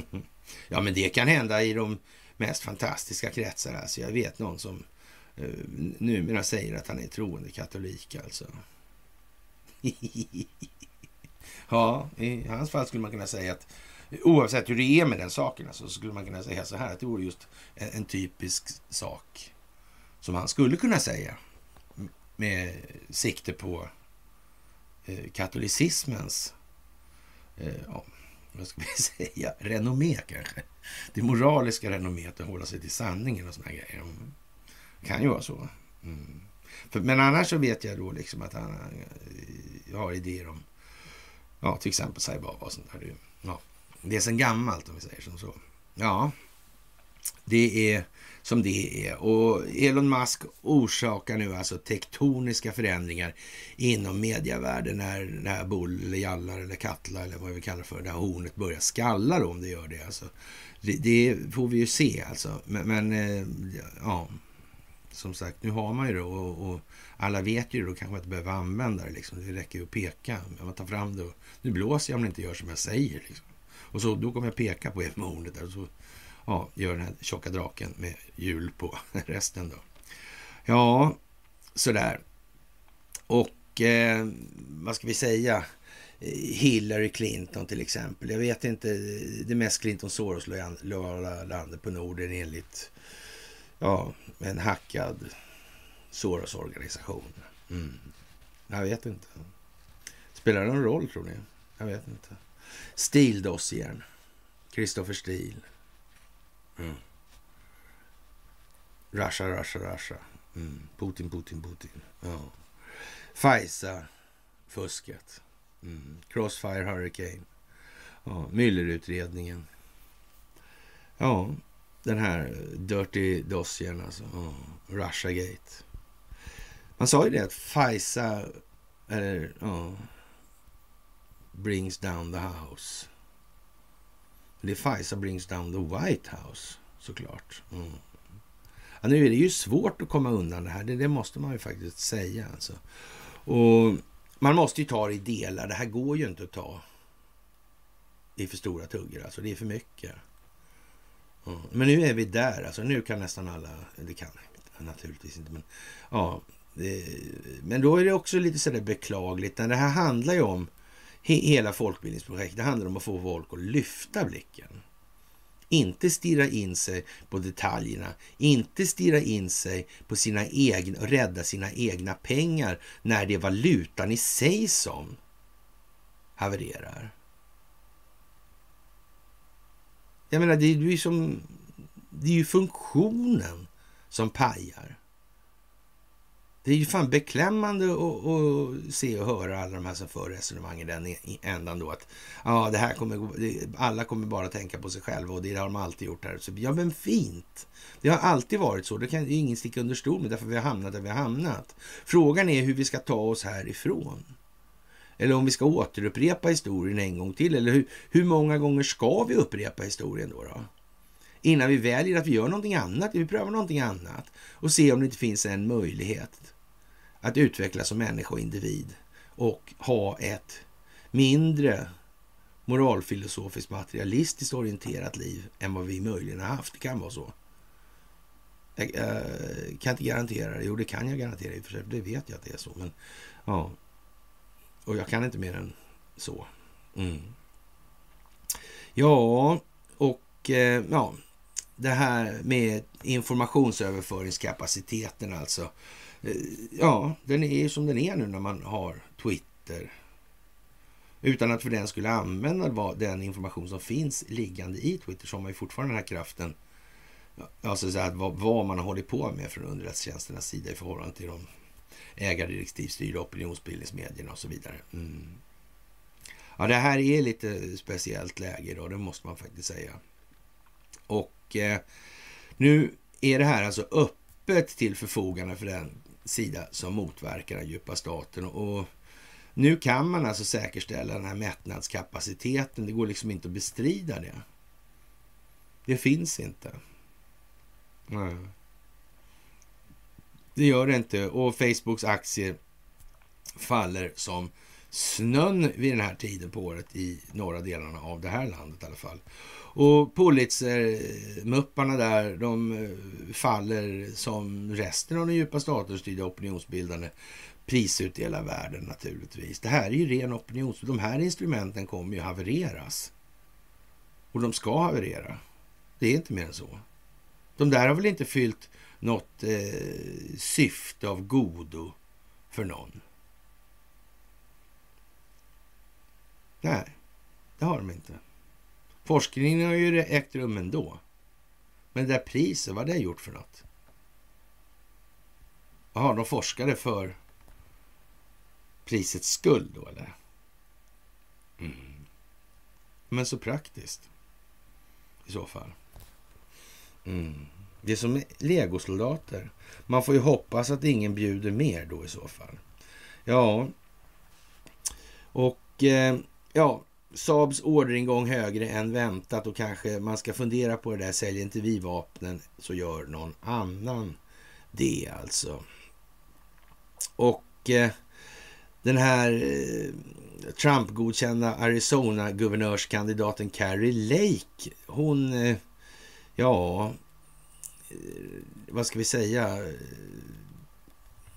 det, det, där är ju lite sådär eh, man har det, dels har man då henne då, så har man den här Katie Hobbs också då. Och ja, då får vi bilda sin uppfattning där vem det är som är vad, alltså, om man inte har hunnit göra det än alltså.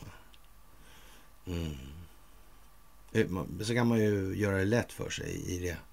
Jag sa då att det är en Trump-godkänd Arizona-guvernörskandidat alltså. Och ja, det här med hur man skapar falska nyheter, det är ju som det är helt enkelt. Och man, eh, ja, i Australien så säger man It's finally happened när Elon Musk har förvärvat det här Twitter-företaget då. Och ja, det är som sagt mycket större än vad man förstår vidden av om man inte har tänkt på det rätt mycket. Och inte ens då är det säkert att man förstår och inser precis allting som underrättelsetjänster och de ägardirektivstyrda opinionsbildning, opinionsbildningsmedierna har ägnat sig åt under en väldigt, väldigt, väldigt lång tid. Alltså. Mm. Det där är en sån grej som är bra att tänka på nu. Alltså. Och det händer alltså en jättemassa saker. Alltså en enorm massa med saker. Sådär. Och eh, ja, The storm is upon us och det är inte så mycket att, göra så här en fredag i oktober, detta nådens år 22 alltså. Och det här, man bör alltså kunna sätta ihop en massa saker. Det, det är ju liksom vad det här handlar om nu. Varför sker det, det där? Varför sker det där, det där, det där? Varför sker de här sakerna nu egentligen? Vad är det som har lett fram till det här? Vad är tanken bakom det här just nu? Varför medieras den här informationen med en viss given värdeladdning. Ungefär som med bonden när man övar alltså de här. Och, och, det var meningen att de skulle tappa den här rullen alltså. Mm. Då gjorde man om hela scenen. Uppdrag granskning, alltså det här seriösa samhällsgranskande programföretaget. Mm. Som är, är gjorda, eller är på plats för att sätta dit uppdragsgivare, sin egen uppdragsgivare. Ursäkta? Inte? Nej. Nej, men det tror inte jag heller faktiskt. Det tror inte jag heller. Det tror jag inte. Och, och på tal om svenskt rättsväsende och inkompetens och korruption och såna här grejer då, så är det ju liksom lite speciellt det här med, med, med Christer van der Kvast och det är det här med Thomas Quick alltså. Mm. Det är ett jävla gäng det där alltså. Jag har man Margit Norell med psykologsoffan där, va? förträngda minnen eh, och allting kring det där. Mm. Och så har vi den där jävla tokprofessorn där också. Ja. Samma. Andas barn då. Sakkunniga i domstolarna. Ja, tänk att domstolarna utbildar sig sådär. Det är helt seriöst. Ja, eller hur? Kanske åklagaren också. Jag vet inte. Ja, det är verkligt. Verkligt. Men, men det här med eh, alltså, van der Kvast alltså. Var han så jävla tappad? Man kan ju säga så här, i dagens läge och ljuset av verkligheten kan man säga att det är oerhört, eh, vad ska man säga, förbryllande. Det här med att eh, åtta mord då, va? Inge, och, och, och friad från alla, men ändå var han ju dömd för det där. Och då undrar ju vän av ordning om eh, det här lilla rättsövergreppet kanske möjligen eh, skulle kunna rendera i någon form av påföljd, alltså i form av ett ansvar i, i någon form och mening. Och hur kommer det sig att det aldrig någonsin i något enda sammanhang blir på så vis?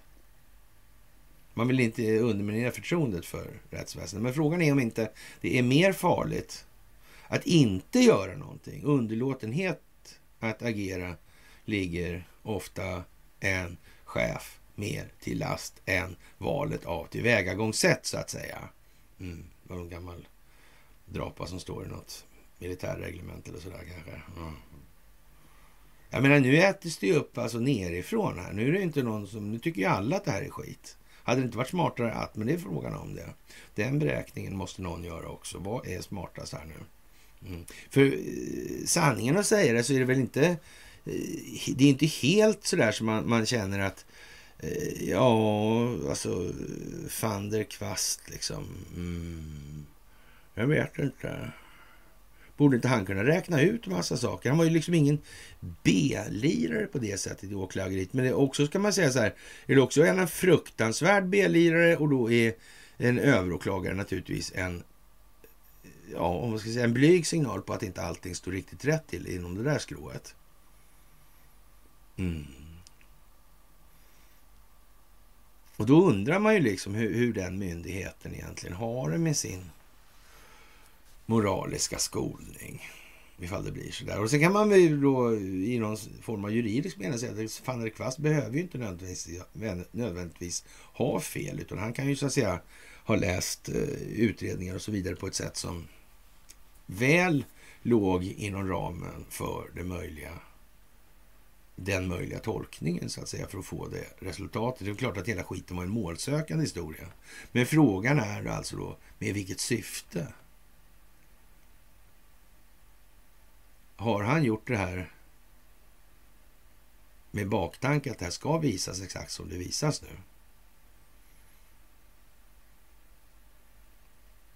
Ja, jag vet inte. Jag vet inte. Det där är ju lite speciellt. Alltså.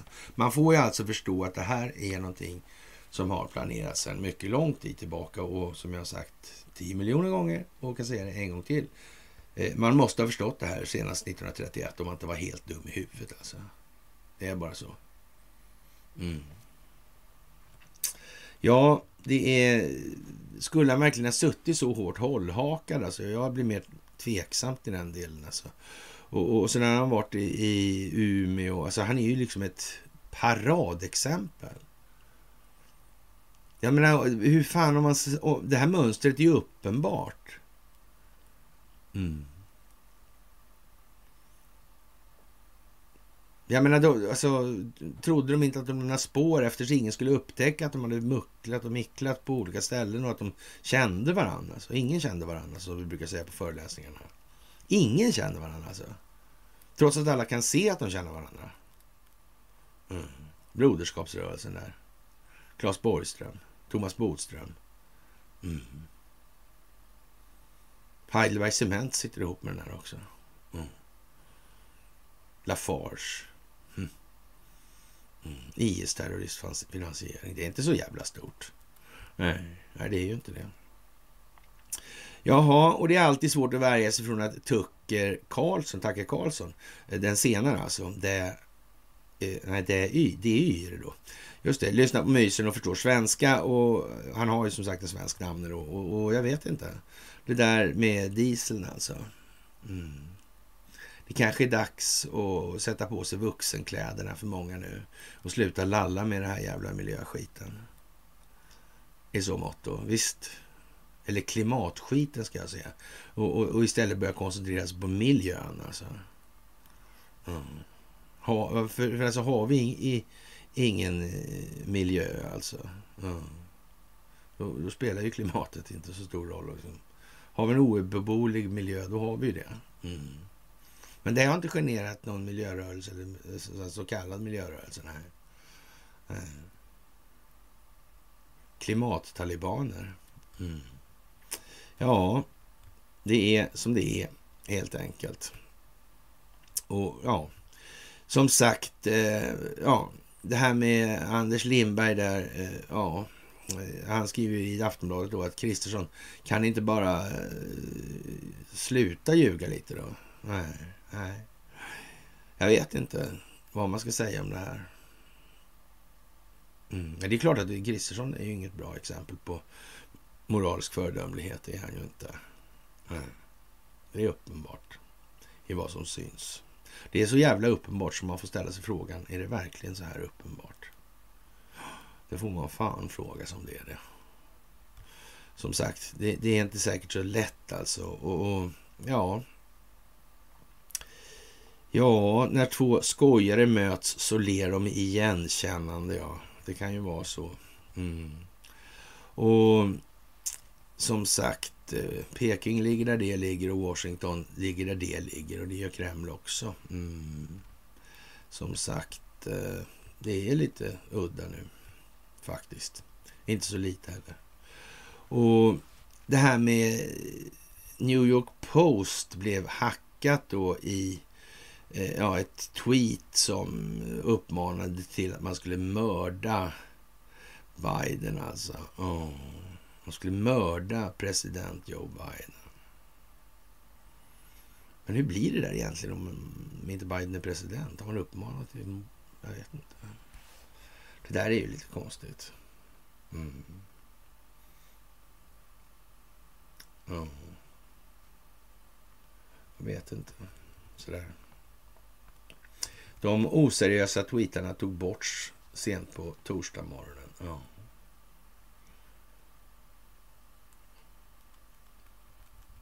Kanske någon kom på det där med... Det kan vara så också. Han säger ju saker som man fan inte ska säga egentligen. Vem som helst kan ju fatta att det är precis det omvända mot vad vi trodde att han menar. Ja. Det beror lite på hur man ser det här alltså. Bra grej att minnas just nu faktiskt. Ja, ryska fartyg ligger nära svenska. Kinesiska polisen bedriver verksamhet i Sverige. Och vad gör amerikanerna då? Mm. Ja, de är ute och åker båt ser man i alla fall när man tittar på den här Sundvalltjagaren. Tycks de ju vara. Men det gör de ju ganska ofta så det behöver inte betyda något. Mm. Ja, man vet ju aldrig liksom. Sådär. Ja. Och eh, det här valfusket som har varit och det här valet som kommer. Införandet överraskningsmomentet som militärdoktrin. Ja, undrar vad det kan vad man menar med det liksom. Mm. Det måste ju vara en jävla överraskning i så fall va? Ja. Så är det nog ja.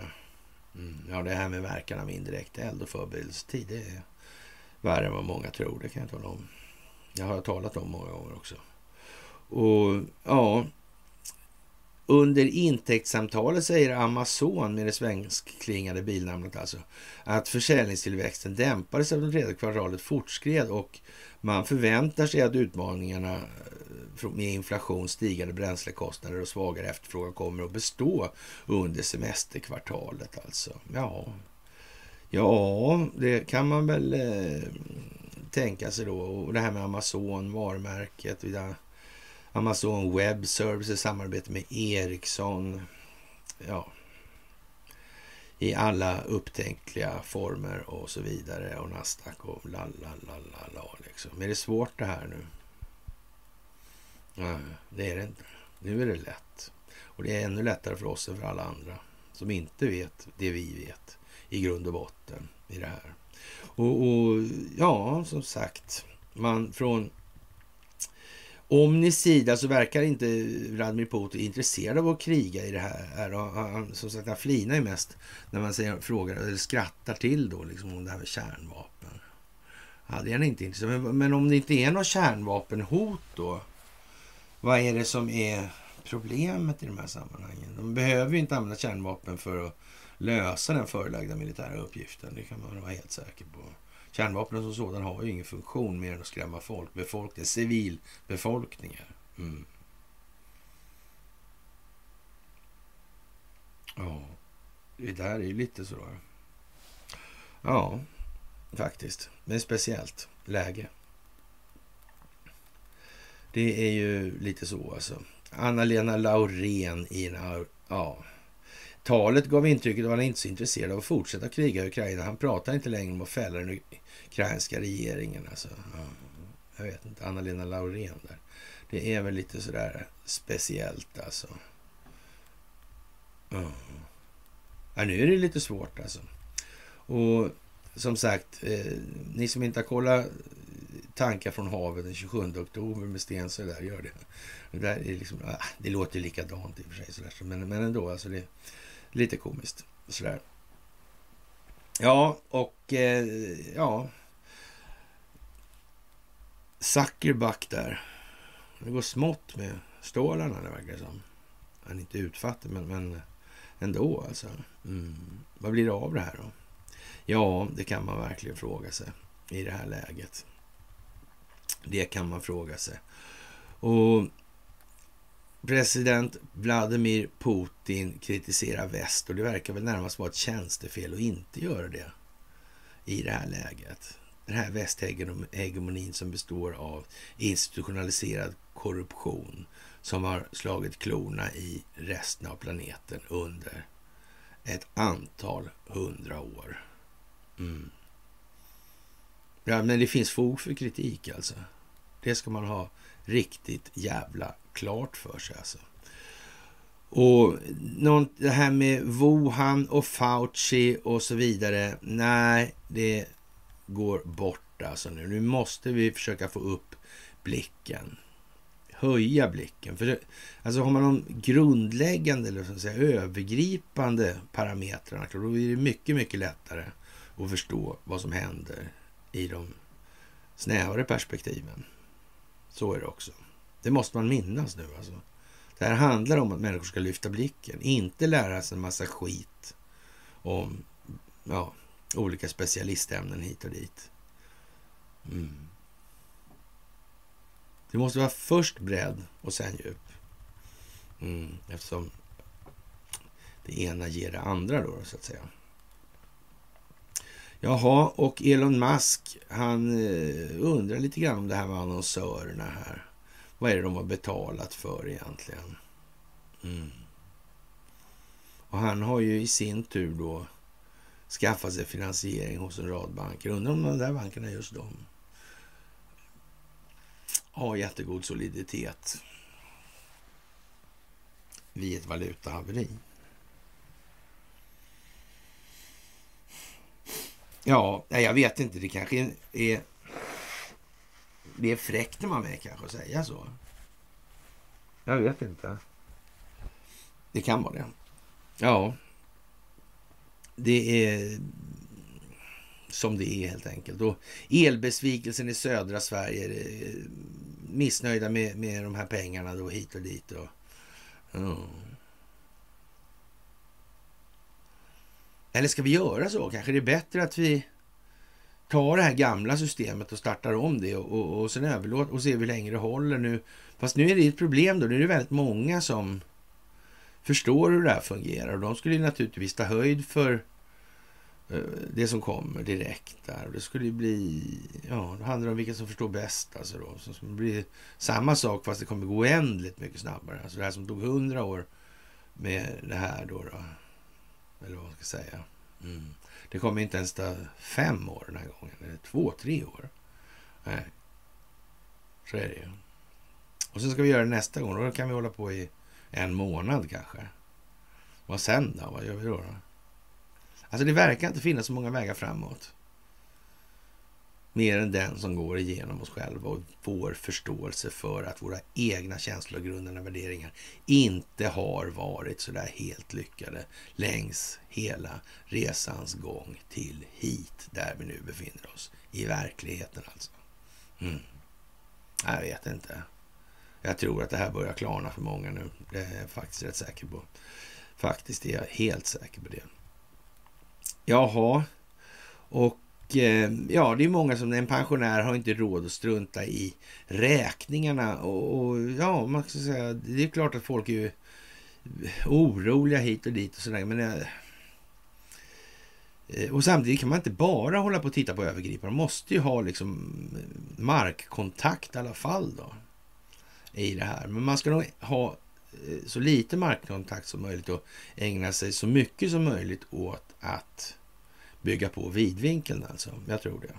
Det är fantastiskt. Och eh, elanvändare i norra Sverige blir utan ekonomiskt stöd av regeringen i ny, nya elprisstödet. Där. Reaktionen i norr på eh, ja, det här det är att vi som producerar borde väl få en del av kakan. Och, och det är väl i alla fall eh, tack och lov alltså. Eh, ja, det är klart de ska, de är ju giriga. Man får ju slå på det alltså. Vadå, ska de få det här som vi gör i, i Skåne då? Så ska inte vi få någonting. Vad är det för jävla dumheter? Hur fan ska man få de här att reagera annars? Det är ju som jag sen trodde då, den humoristiska 17 kronors gränsen då. Eh, lite Q-anstrykning till och med på det här. Jag trodde liksom att ja, det här går ju klart liksom. De kommer att fatta. Nej, det kommer de inte att göra. Det var helt fel av mig. Sådär. Mm. Utan det får bli så här och sen får ni nästan då, eh, ja, opinionsbildningsmedierna som SVT och sådär, de kanalerna, de får ju liksom skriva i öppen text liksom. Nu blir de skitförbannade i Norrland. Ja. Yeah, yeah, yeah, gäse, gäse. Ja. Sådär. Mm. Och, och, och, bara det liksom att de sätter, eh, ja det är ju verkligen en flanellis och, och, och sen en eh, tracker keps liksom. Ta av dig din tracker keps. Ja, de har redan så mycket billig el och så mycket gles och landsbygdsstöd så deras del av kakan måste väl ändå räcka till, tycker en änglalik Conny som vanligt då. Fantastiskt. Ja, men man kan väl säga så här att man, man, man, har passiviserat Norrland rätt effektivt liksom och tagit bort varenda incitament till ja, kampvilja eller vad man ska kalla det. Det finns inget, ingen självbevarelsedrift kvar. Det finns liksom ett päsande och kolhydratstörstande, jag vet inte vad helt enkelt. Det är helt hopplöst det där faktiskt. Och, och det finns klara utrymmen för förbättringar där. Och ja, vad ska man säga? Det, det, ja, det går ju, kommer ju tillbaka till det där hela tiden också. Jaha, och eh, ja, energi och näringsminister Ebba Busch kan få norrlänningarna att få upp den knutna näven ur fickan en gång för alla. Alltså miljardstöd till elkunder i södra Sverige. Och det är ju det det här handlar om. Alltså det går ju ut på att folk ska reagera. Man ska väcka ett engagemang. Man måste få folk att tänka efter, resonera med sig själva i termer av sina egna känslogrundande värderingar. Vad fan är det här riktigt verkligen? Alltså, tycker jag verkligen så här att jag vill ha ensam kvar på jorden, inte ens en varelse i övrigt alltså som ska ta någonting i anspråk. Jag ska ha allt ensam på planeten. Alltså det vill du inte? Nej, nej okej. Okay. Ja, men du, hur många då ska det vara? Ja, jag måste tänka på så. 500 miljoner. Ja, ja ah, du menar New World Order? Ja. ja, ja, men så kan det ju vara alltså. Mm. Ja, jag vet inte. Det är klart att speciellt alltså. 93 procent av världens pengar finns på eh, bankkontona för åtta familjer. Alltså resten av populationen slåss om eh, de här sju procenten. Och, och, har man sett det här då, och det kan man säga så nu ska vi kritisera den här lite.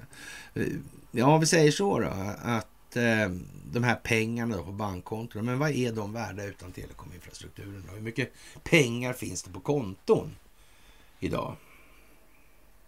Vad är det ens för någonting?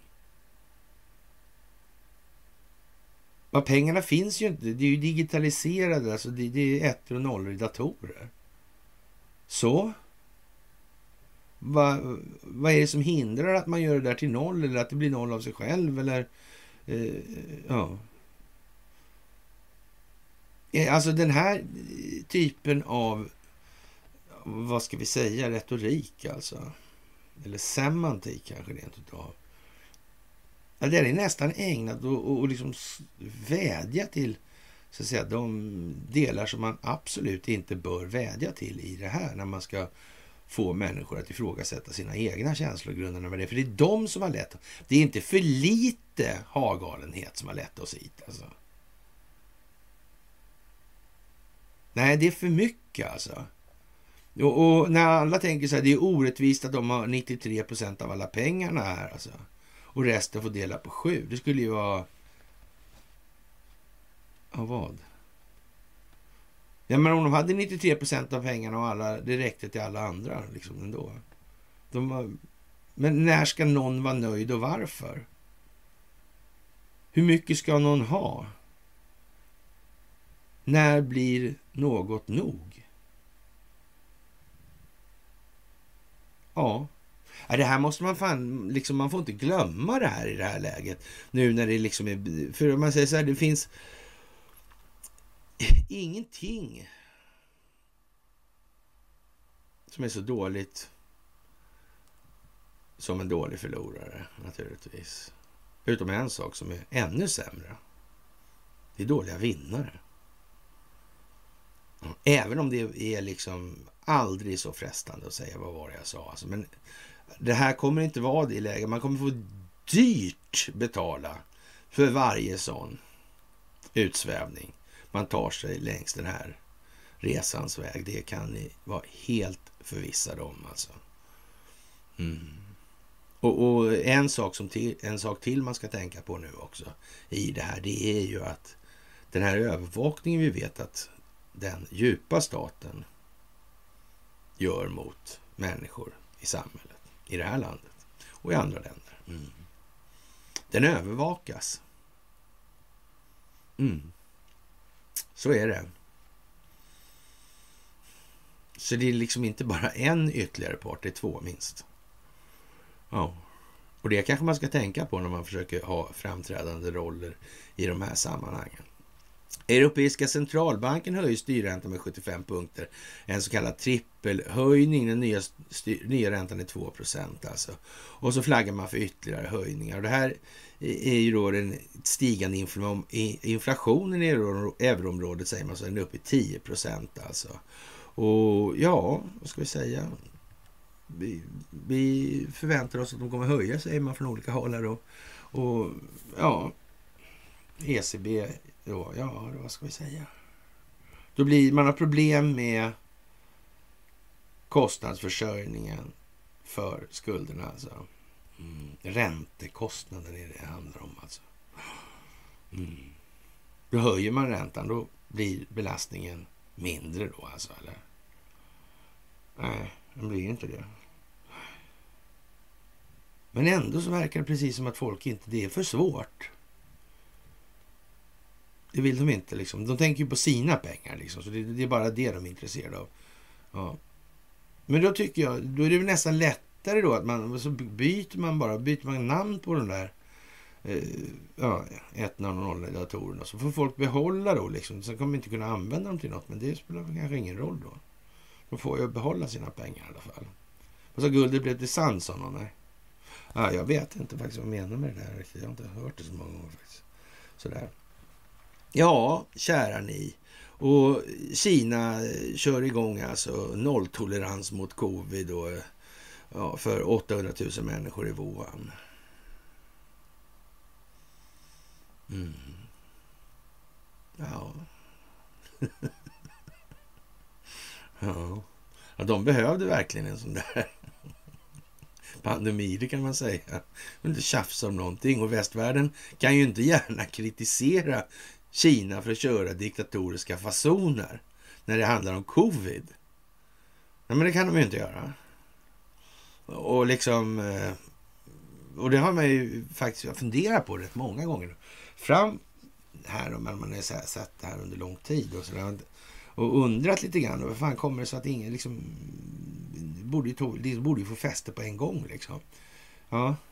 Och, och, och då kan man ju andra sidan säga då, jag har suttit och sagt många gånger, men, ja, men alla de här grejerna är ju, är ju liksom kulisser för att dölja då det, den faktiska omständighet som utgörs av att det valutafinansiella systemet är skuldmättat. Därför försöker man med eh, ja, pandemikulissen och krigskulissen och miljökulissen och klimatkulissen och alla möjliga kulisser, liksom inflationskulissen och sådär. Mm. Det är ju så. Ja. Och, och, så vill man gärna ha in lite drakoniska eh, befogenheter och sådär. Mm.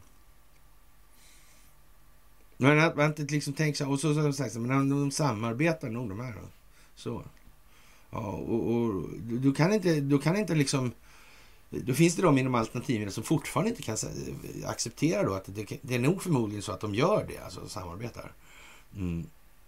Så är det nog, ja. Kanske, ja. Men, men det är inte så att Kina, hur fan ska man få ordning på det där i Kina? Vad ska man hitta på liksom?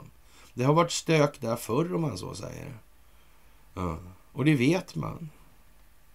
Och, och det här är alltså i slutet på den veckan då den ja, kinesiska kommunistiska partiets kongress förkunnar att eh, nu kontrollerar vi korruptionen. Den kontrollerar inte oss. Nu kontrollerar vi den och vi måste fortsätta verka, agera och så vidare för att möta de problem som annars uppstår. Ja. ja, vad kan det bli av det här? Det är en fantastisk tid alltså. Det, må, det måste man säga alltså. Och eh, ja, det här är ju speciellt det här, som sagt, ryska båtar bredvid de svenska och så vidare. Och, eh, ja, det är perfekt det här nu när då kungen åker på semester på höstlovet här nu. Och Sverigedemokraterna är inte med i regeringen och sitter på eh, en rad olika positioner som, ja, vad kan man säga, så då har jag, jag vill jag gärna påpeka det att jag har under ganska lång tid eh, framhållit det här, alltså med eh, den sverigedemokratiska utrikespolitiken. Jag menar, historiskt sett, är det någon som minns något utspel där? Alltså som inte är en migrationsgrej. Alltså så. Ja. Och, och med förståelse för den i, i botten, så den verkar ju vara lite syrra. Men det, vi, vi, vet inte det riktigt. Så, ja. Som sagt, det är lite som, grann som en militär. Det vill till en jävla förklaring här alltså. Om det inte ska bli ett flatgarv bara alltså. Nej, jag tror inte det. Ja, hur som helst, då är Björn Söder och sen har vi då den här superstjärnan där. Va? Hon som verkligen har, har förmått att hamna på Youtube-klipp. Alltså. Mm. Ja. Julia Kronlid alltså. Jaha. Ja. Ja, men det där är ju lite speciellt alltså. Men för att göra det hela bättre då naturligtvis åker kungen på potatislov alltså. Mm. Och in kliver då inte Karl Carl Victoria höll jag på att säga, men menar Victoria i alla fall. Mm. Nej, hon har annat att göra. Ja. Mm, in kliver Carl Philip på scenen. Han har veckans kungaskap här alltså. Han hoppar in som kung över Sverige när Karl XVI Gustav åker på en höstlovsresa till Brasilien. Hon har ju lite påbrå därifrån. Och, och, Brasilien är ju liksom en riktig ja, svensk koloni skulle man kunna säga. Har varit i alla fall. Ja. Och det kan ju vara så att det finns en del offentliga åtaganden eller ska vi drista oss till att säga påtvingade åligganden i saken. Mm. Av historisk natur kanske. Den här pappa Walter där. Ariseringsprocess. Och så vidare. det där sitter ju djupt i Brasilien. Den här Ira Levin, uh, pojkarna från Brasilien. Mm. Gendårar alltså. Undrar om de har CRISPR där. Det tror jag inte. Eller?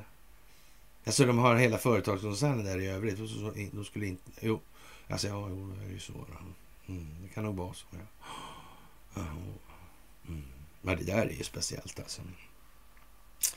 Jaha, och eh, ja, vad ska vi säga egentligen? Hoppa in som kung alltså. Det där är ju lite... Mm. Vi får hoppas, som Stensö sa, att det inte händer någonting eh, anmärkningsvärt så, av sån natur att inte Carl Philip med hjälp av sina trogna rådgivare förmår att hantera situationen för landet Sverige, eller befolkningen i Sveriges bästa. Så alltså. Om man sen skulle behöva offra Investor och lite såna grejer. Eller? ja, ja, vi får se vad det blir av det där. Men det är i alla fall upplagt för något kul alltså. Det skulle se ut som det skulle kunna bli ett skämt det där. Rakt av alltså. Jaha, och Sverige bör kalla upp Kinas ambassadör för att markera att den hemliga polisstationen som landet uppges driva i Stockholm, det är oacceptabelt alltså, det säger Ove Bring, professor i internationell rätt vid Stockholms universitet.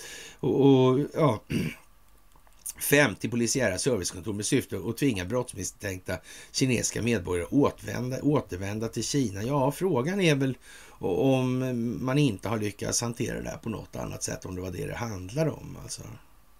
Ja, det är lite av frågan i det här. Mm. Det måste finnas något mer alltså, skulle man nog vilja påstå. Men som sagt, det, ja, det kommer att finnas en hel del kineser i det här landet vad det lider. Det kommer att finnas en hel del ryssar och en hel del amerikaner. Och, jag tror inte att den svenska statsförvaltningens möjligheter att agera vidare i samma anda som har varit. Jag kan tänka mig att den, den möjligheten är rätt så kraftigt begränsad eller beskuren. Mm. Det skulle jag nog vilja påstå. Och eh, ja, Svenska kraftnät får bakläxa av EU här. Och vad, vad, handlar det här om då? Jo, det handlar om att människor ska förstå att det här med att vi är tvungna att använda 70 procent av vår transmissionskapacitet, att hålla den öppen så att säga för export. Det, det, det är lite sådär helt enkelt.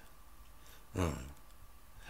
Och det här med kontrollen över samhällskritisk infrastruktur, alltså telekommunikation, kraftförsörjning och så vidare. Det är liksom, ja, men det kommer.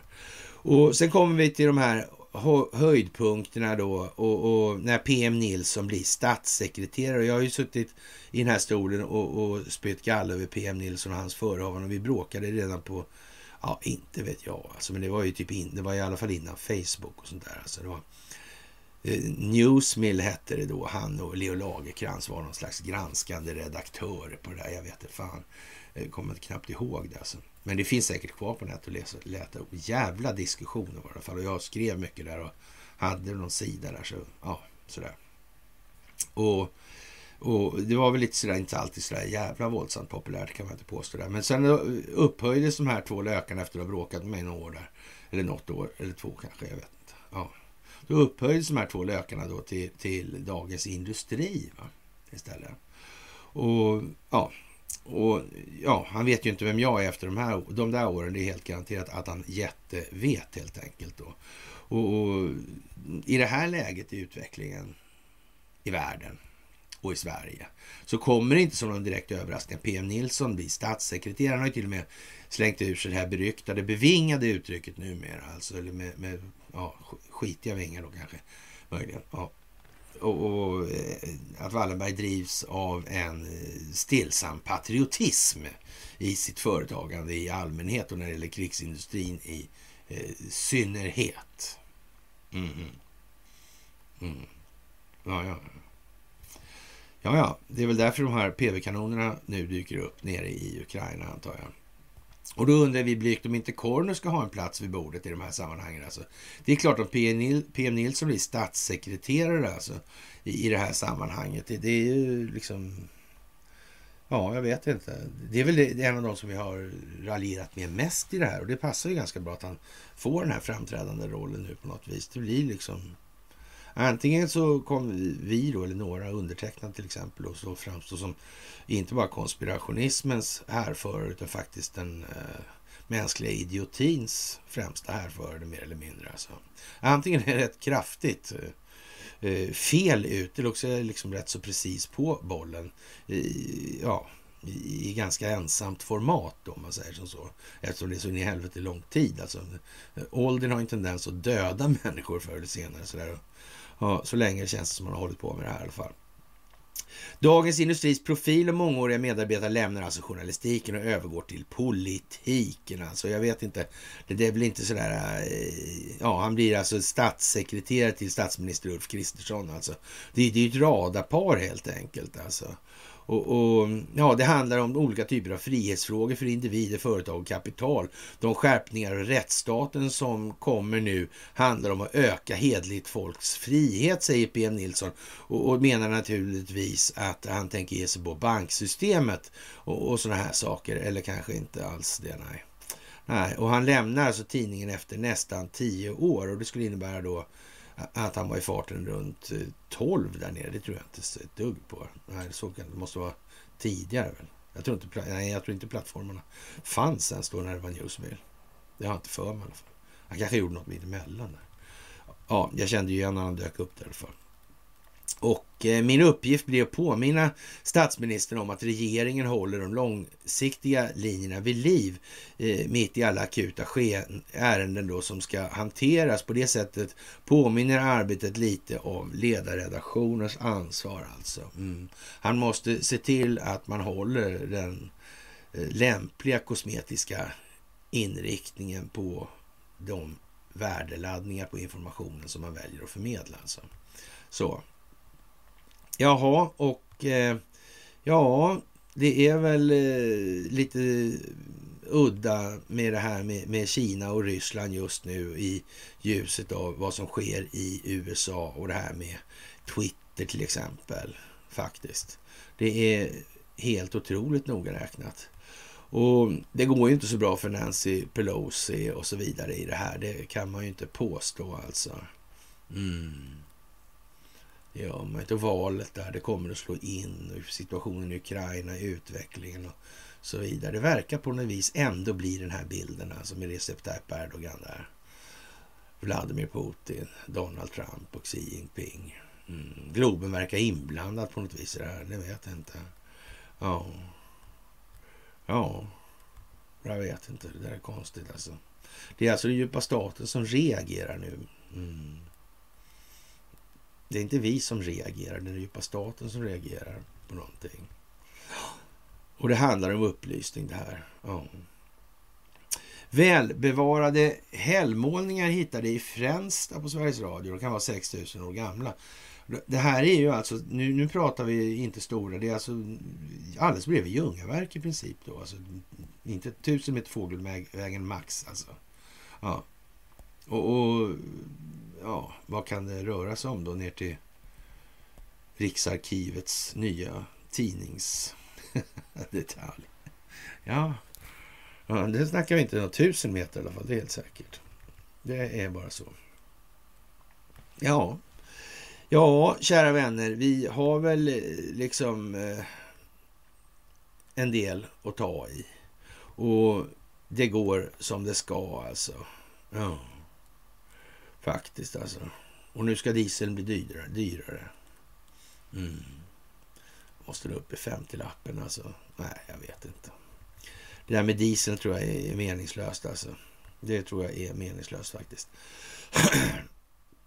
jag, jag, tror att det, det, är ingen framkomlig väg alltså. Det, ja, de hittar på sätt då alltså. Och ja, men som sagt, det är ju naturligtvis bättre att ta det här med avundsjukan, alltså den svenska tillgången. Det, det, kan bli den tillgång som eh, så att säga, får kamelens rygg att brytas. Mm. Det är så. Man får ta det med det som står till buds. Alltså. Man får ta människors sämsta sidor och använda dem för att vända det här emot dem själva sen. Mm. Det är så. Med det, kära vänner, så tackar vi väl för idag och så önskar vi er en trevlig helg. Och sen återkommer vi senast måndag och som alltid ett jättetack för gåvor på Swish och Patreon. Att ni fördjupar er på karlnorberg.se och att ni hakar på Telegramtjänsten och att ni sprider Free People's Movement i det här. Ni är världens bästa internetpublik och jag vågar påstå publik i övrigt i de här sammanhangen också. Okej, trevlig helg!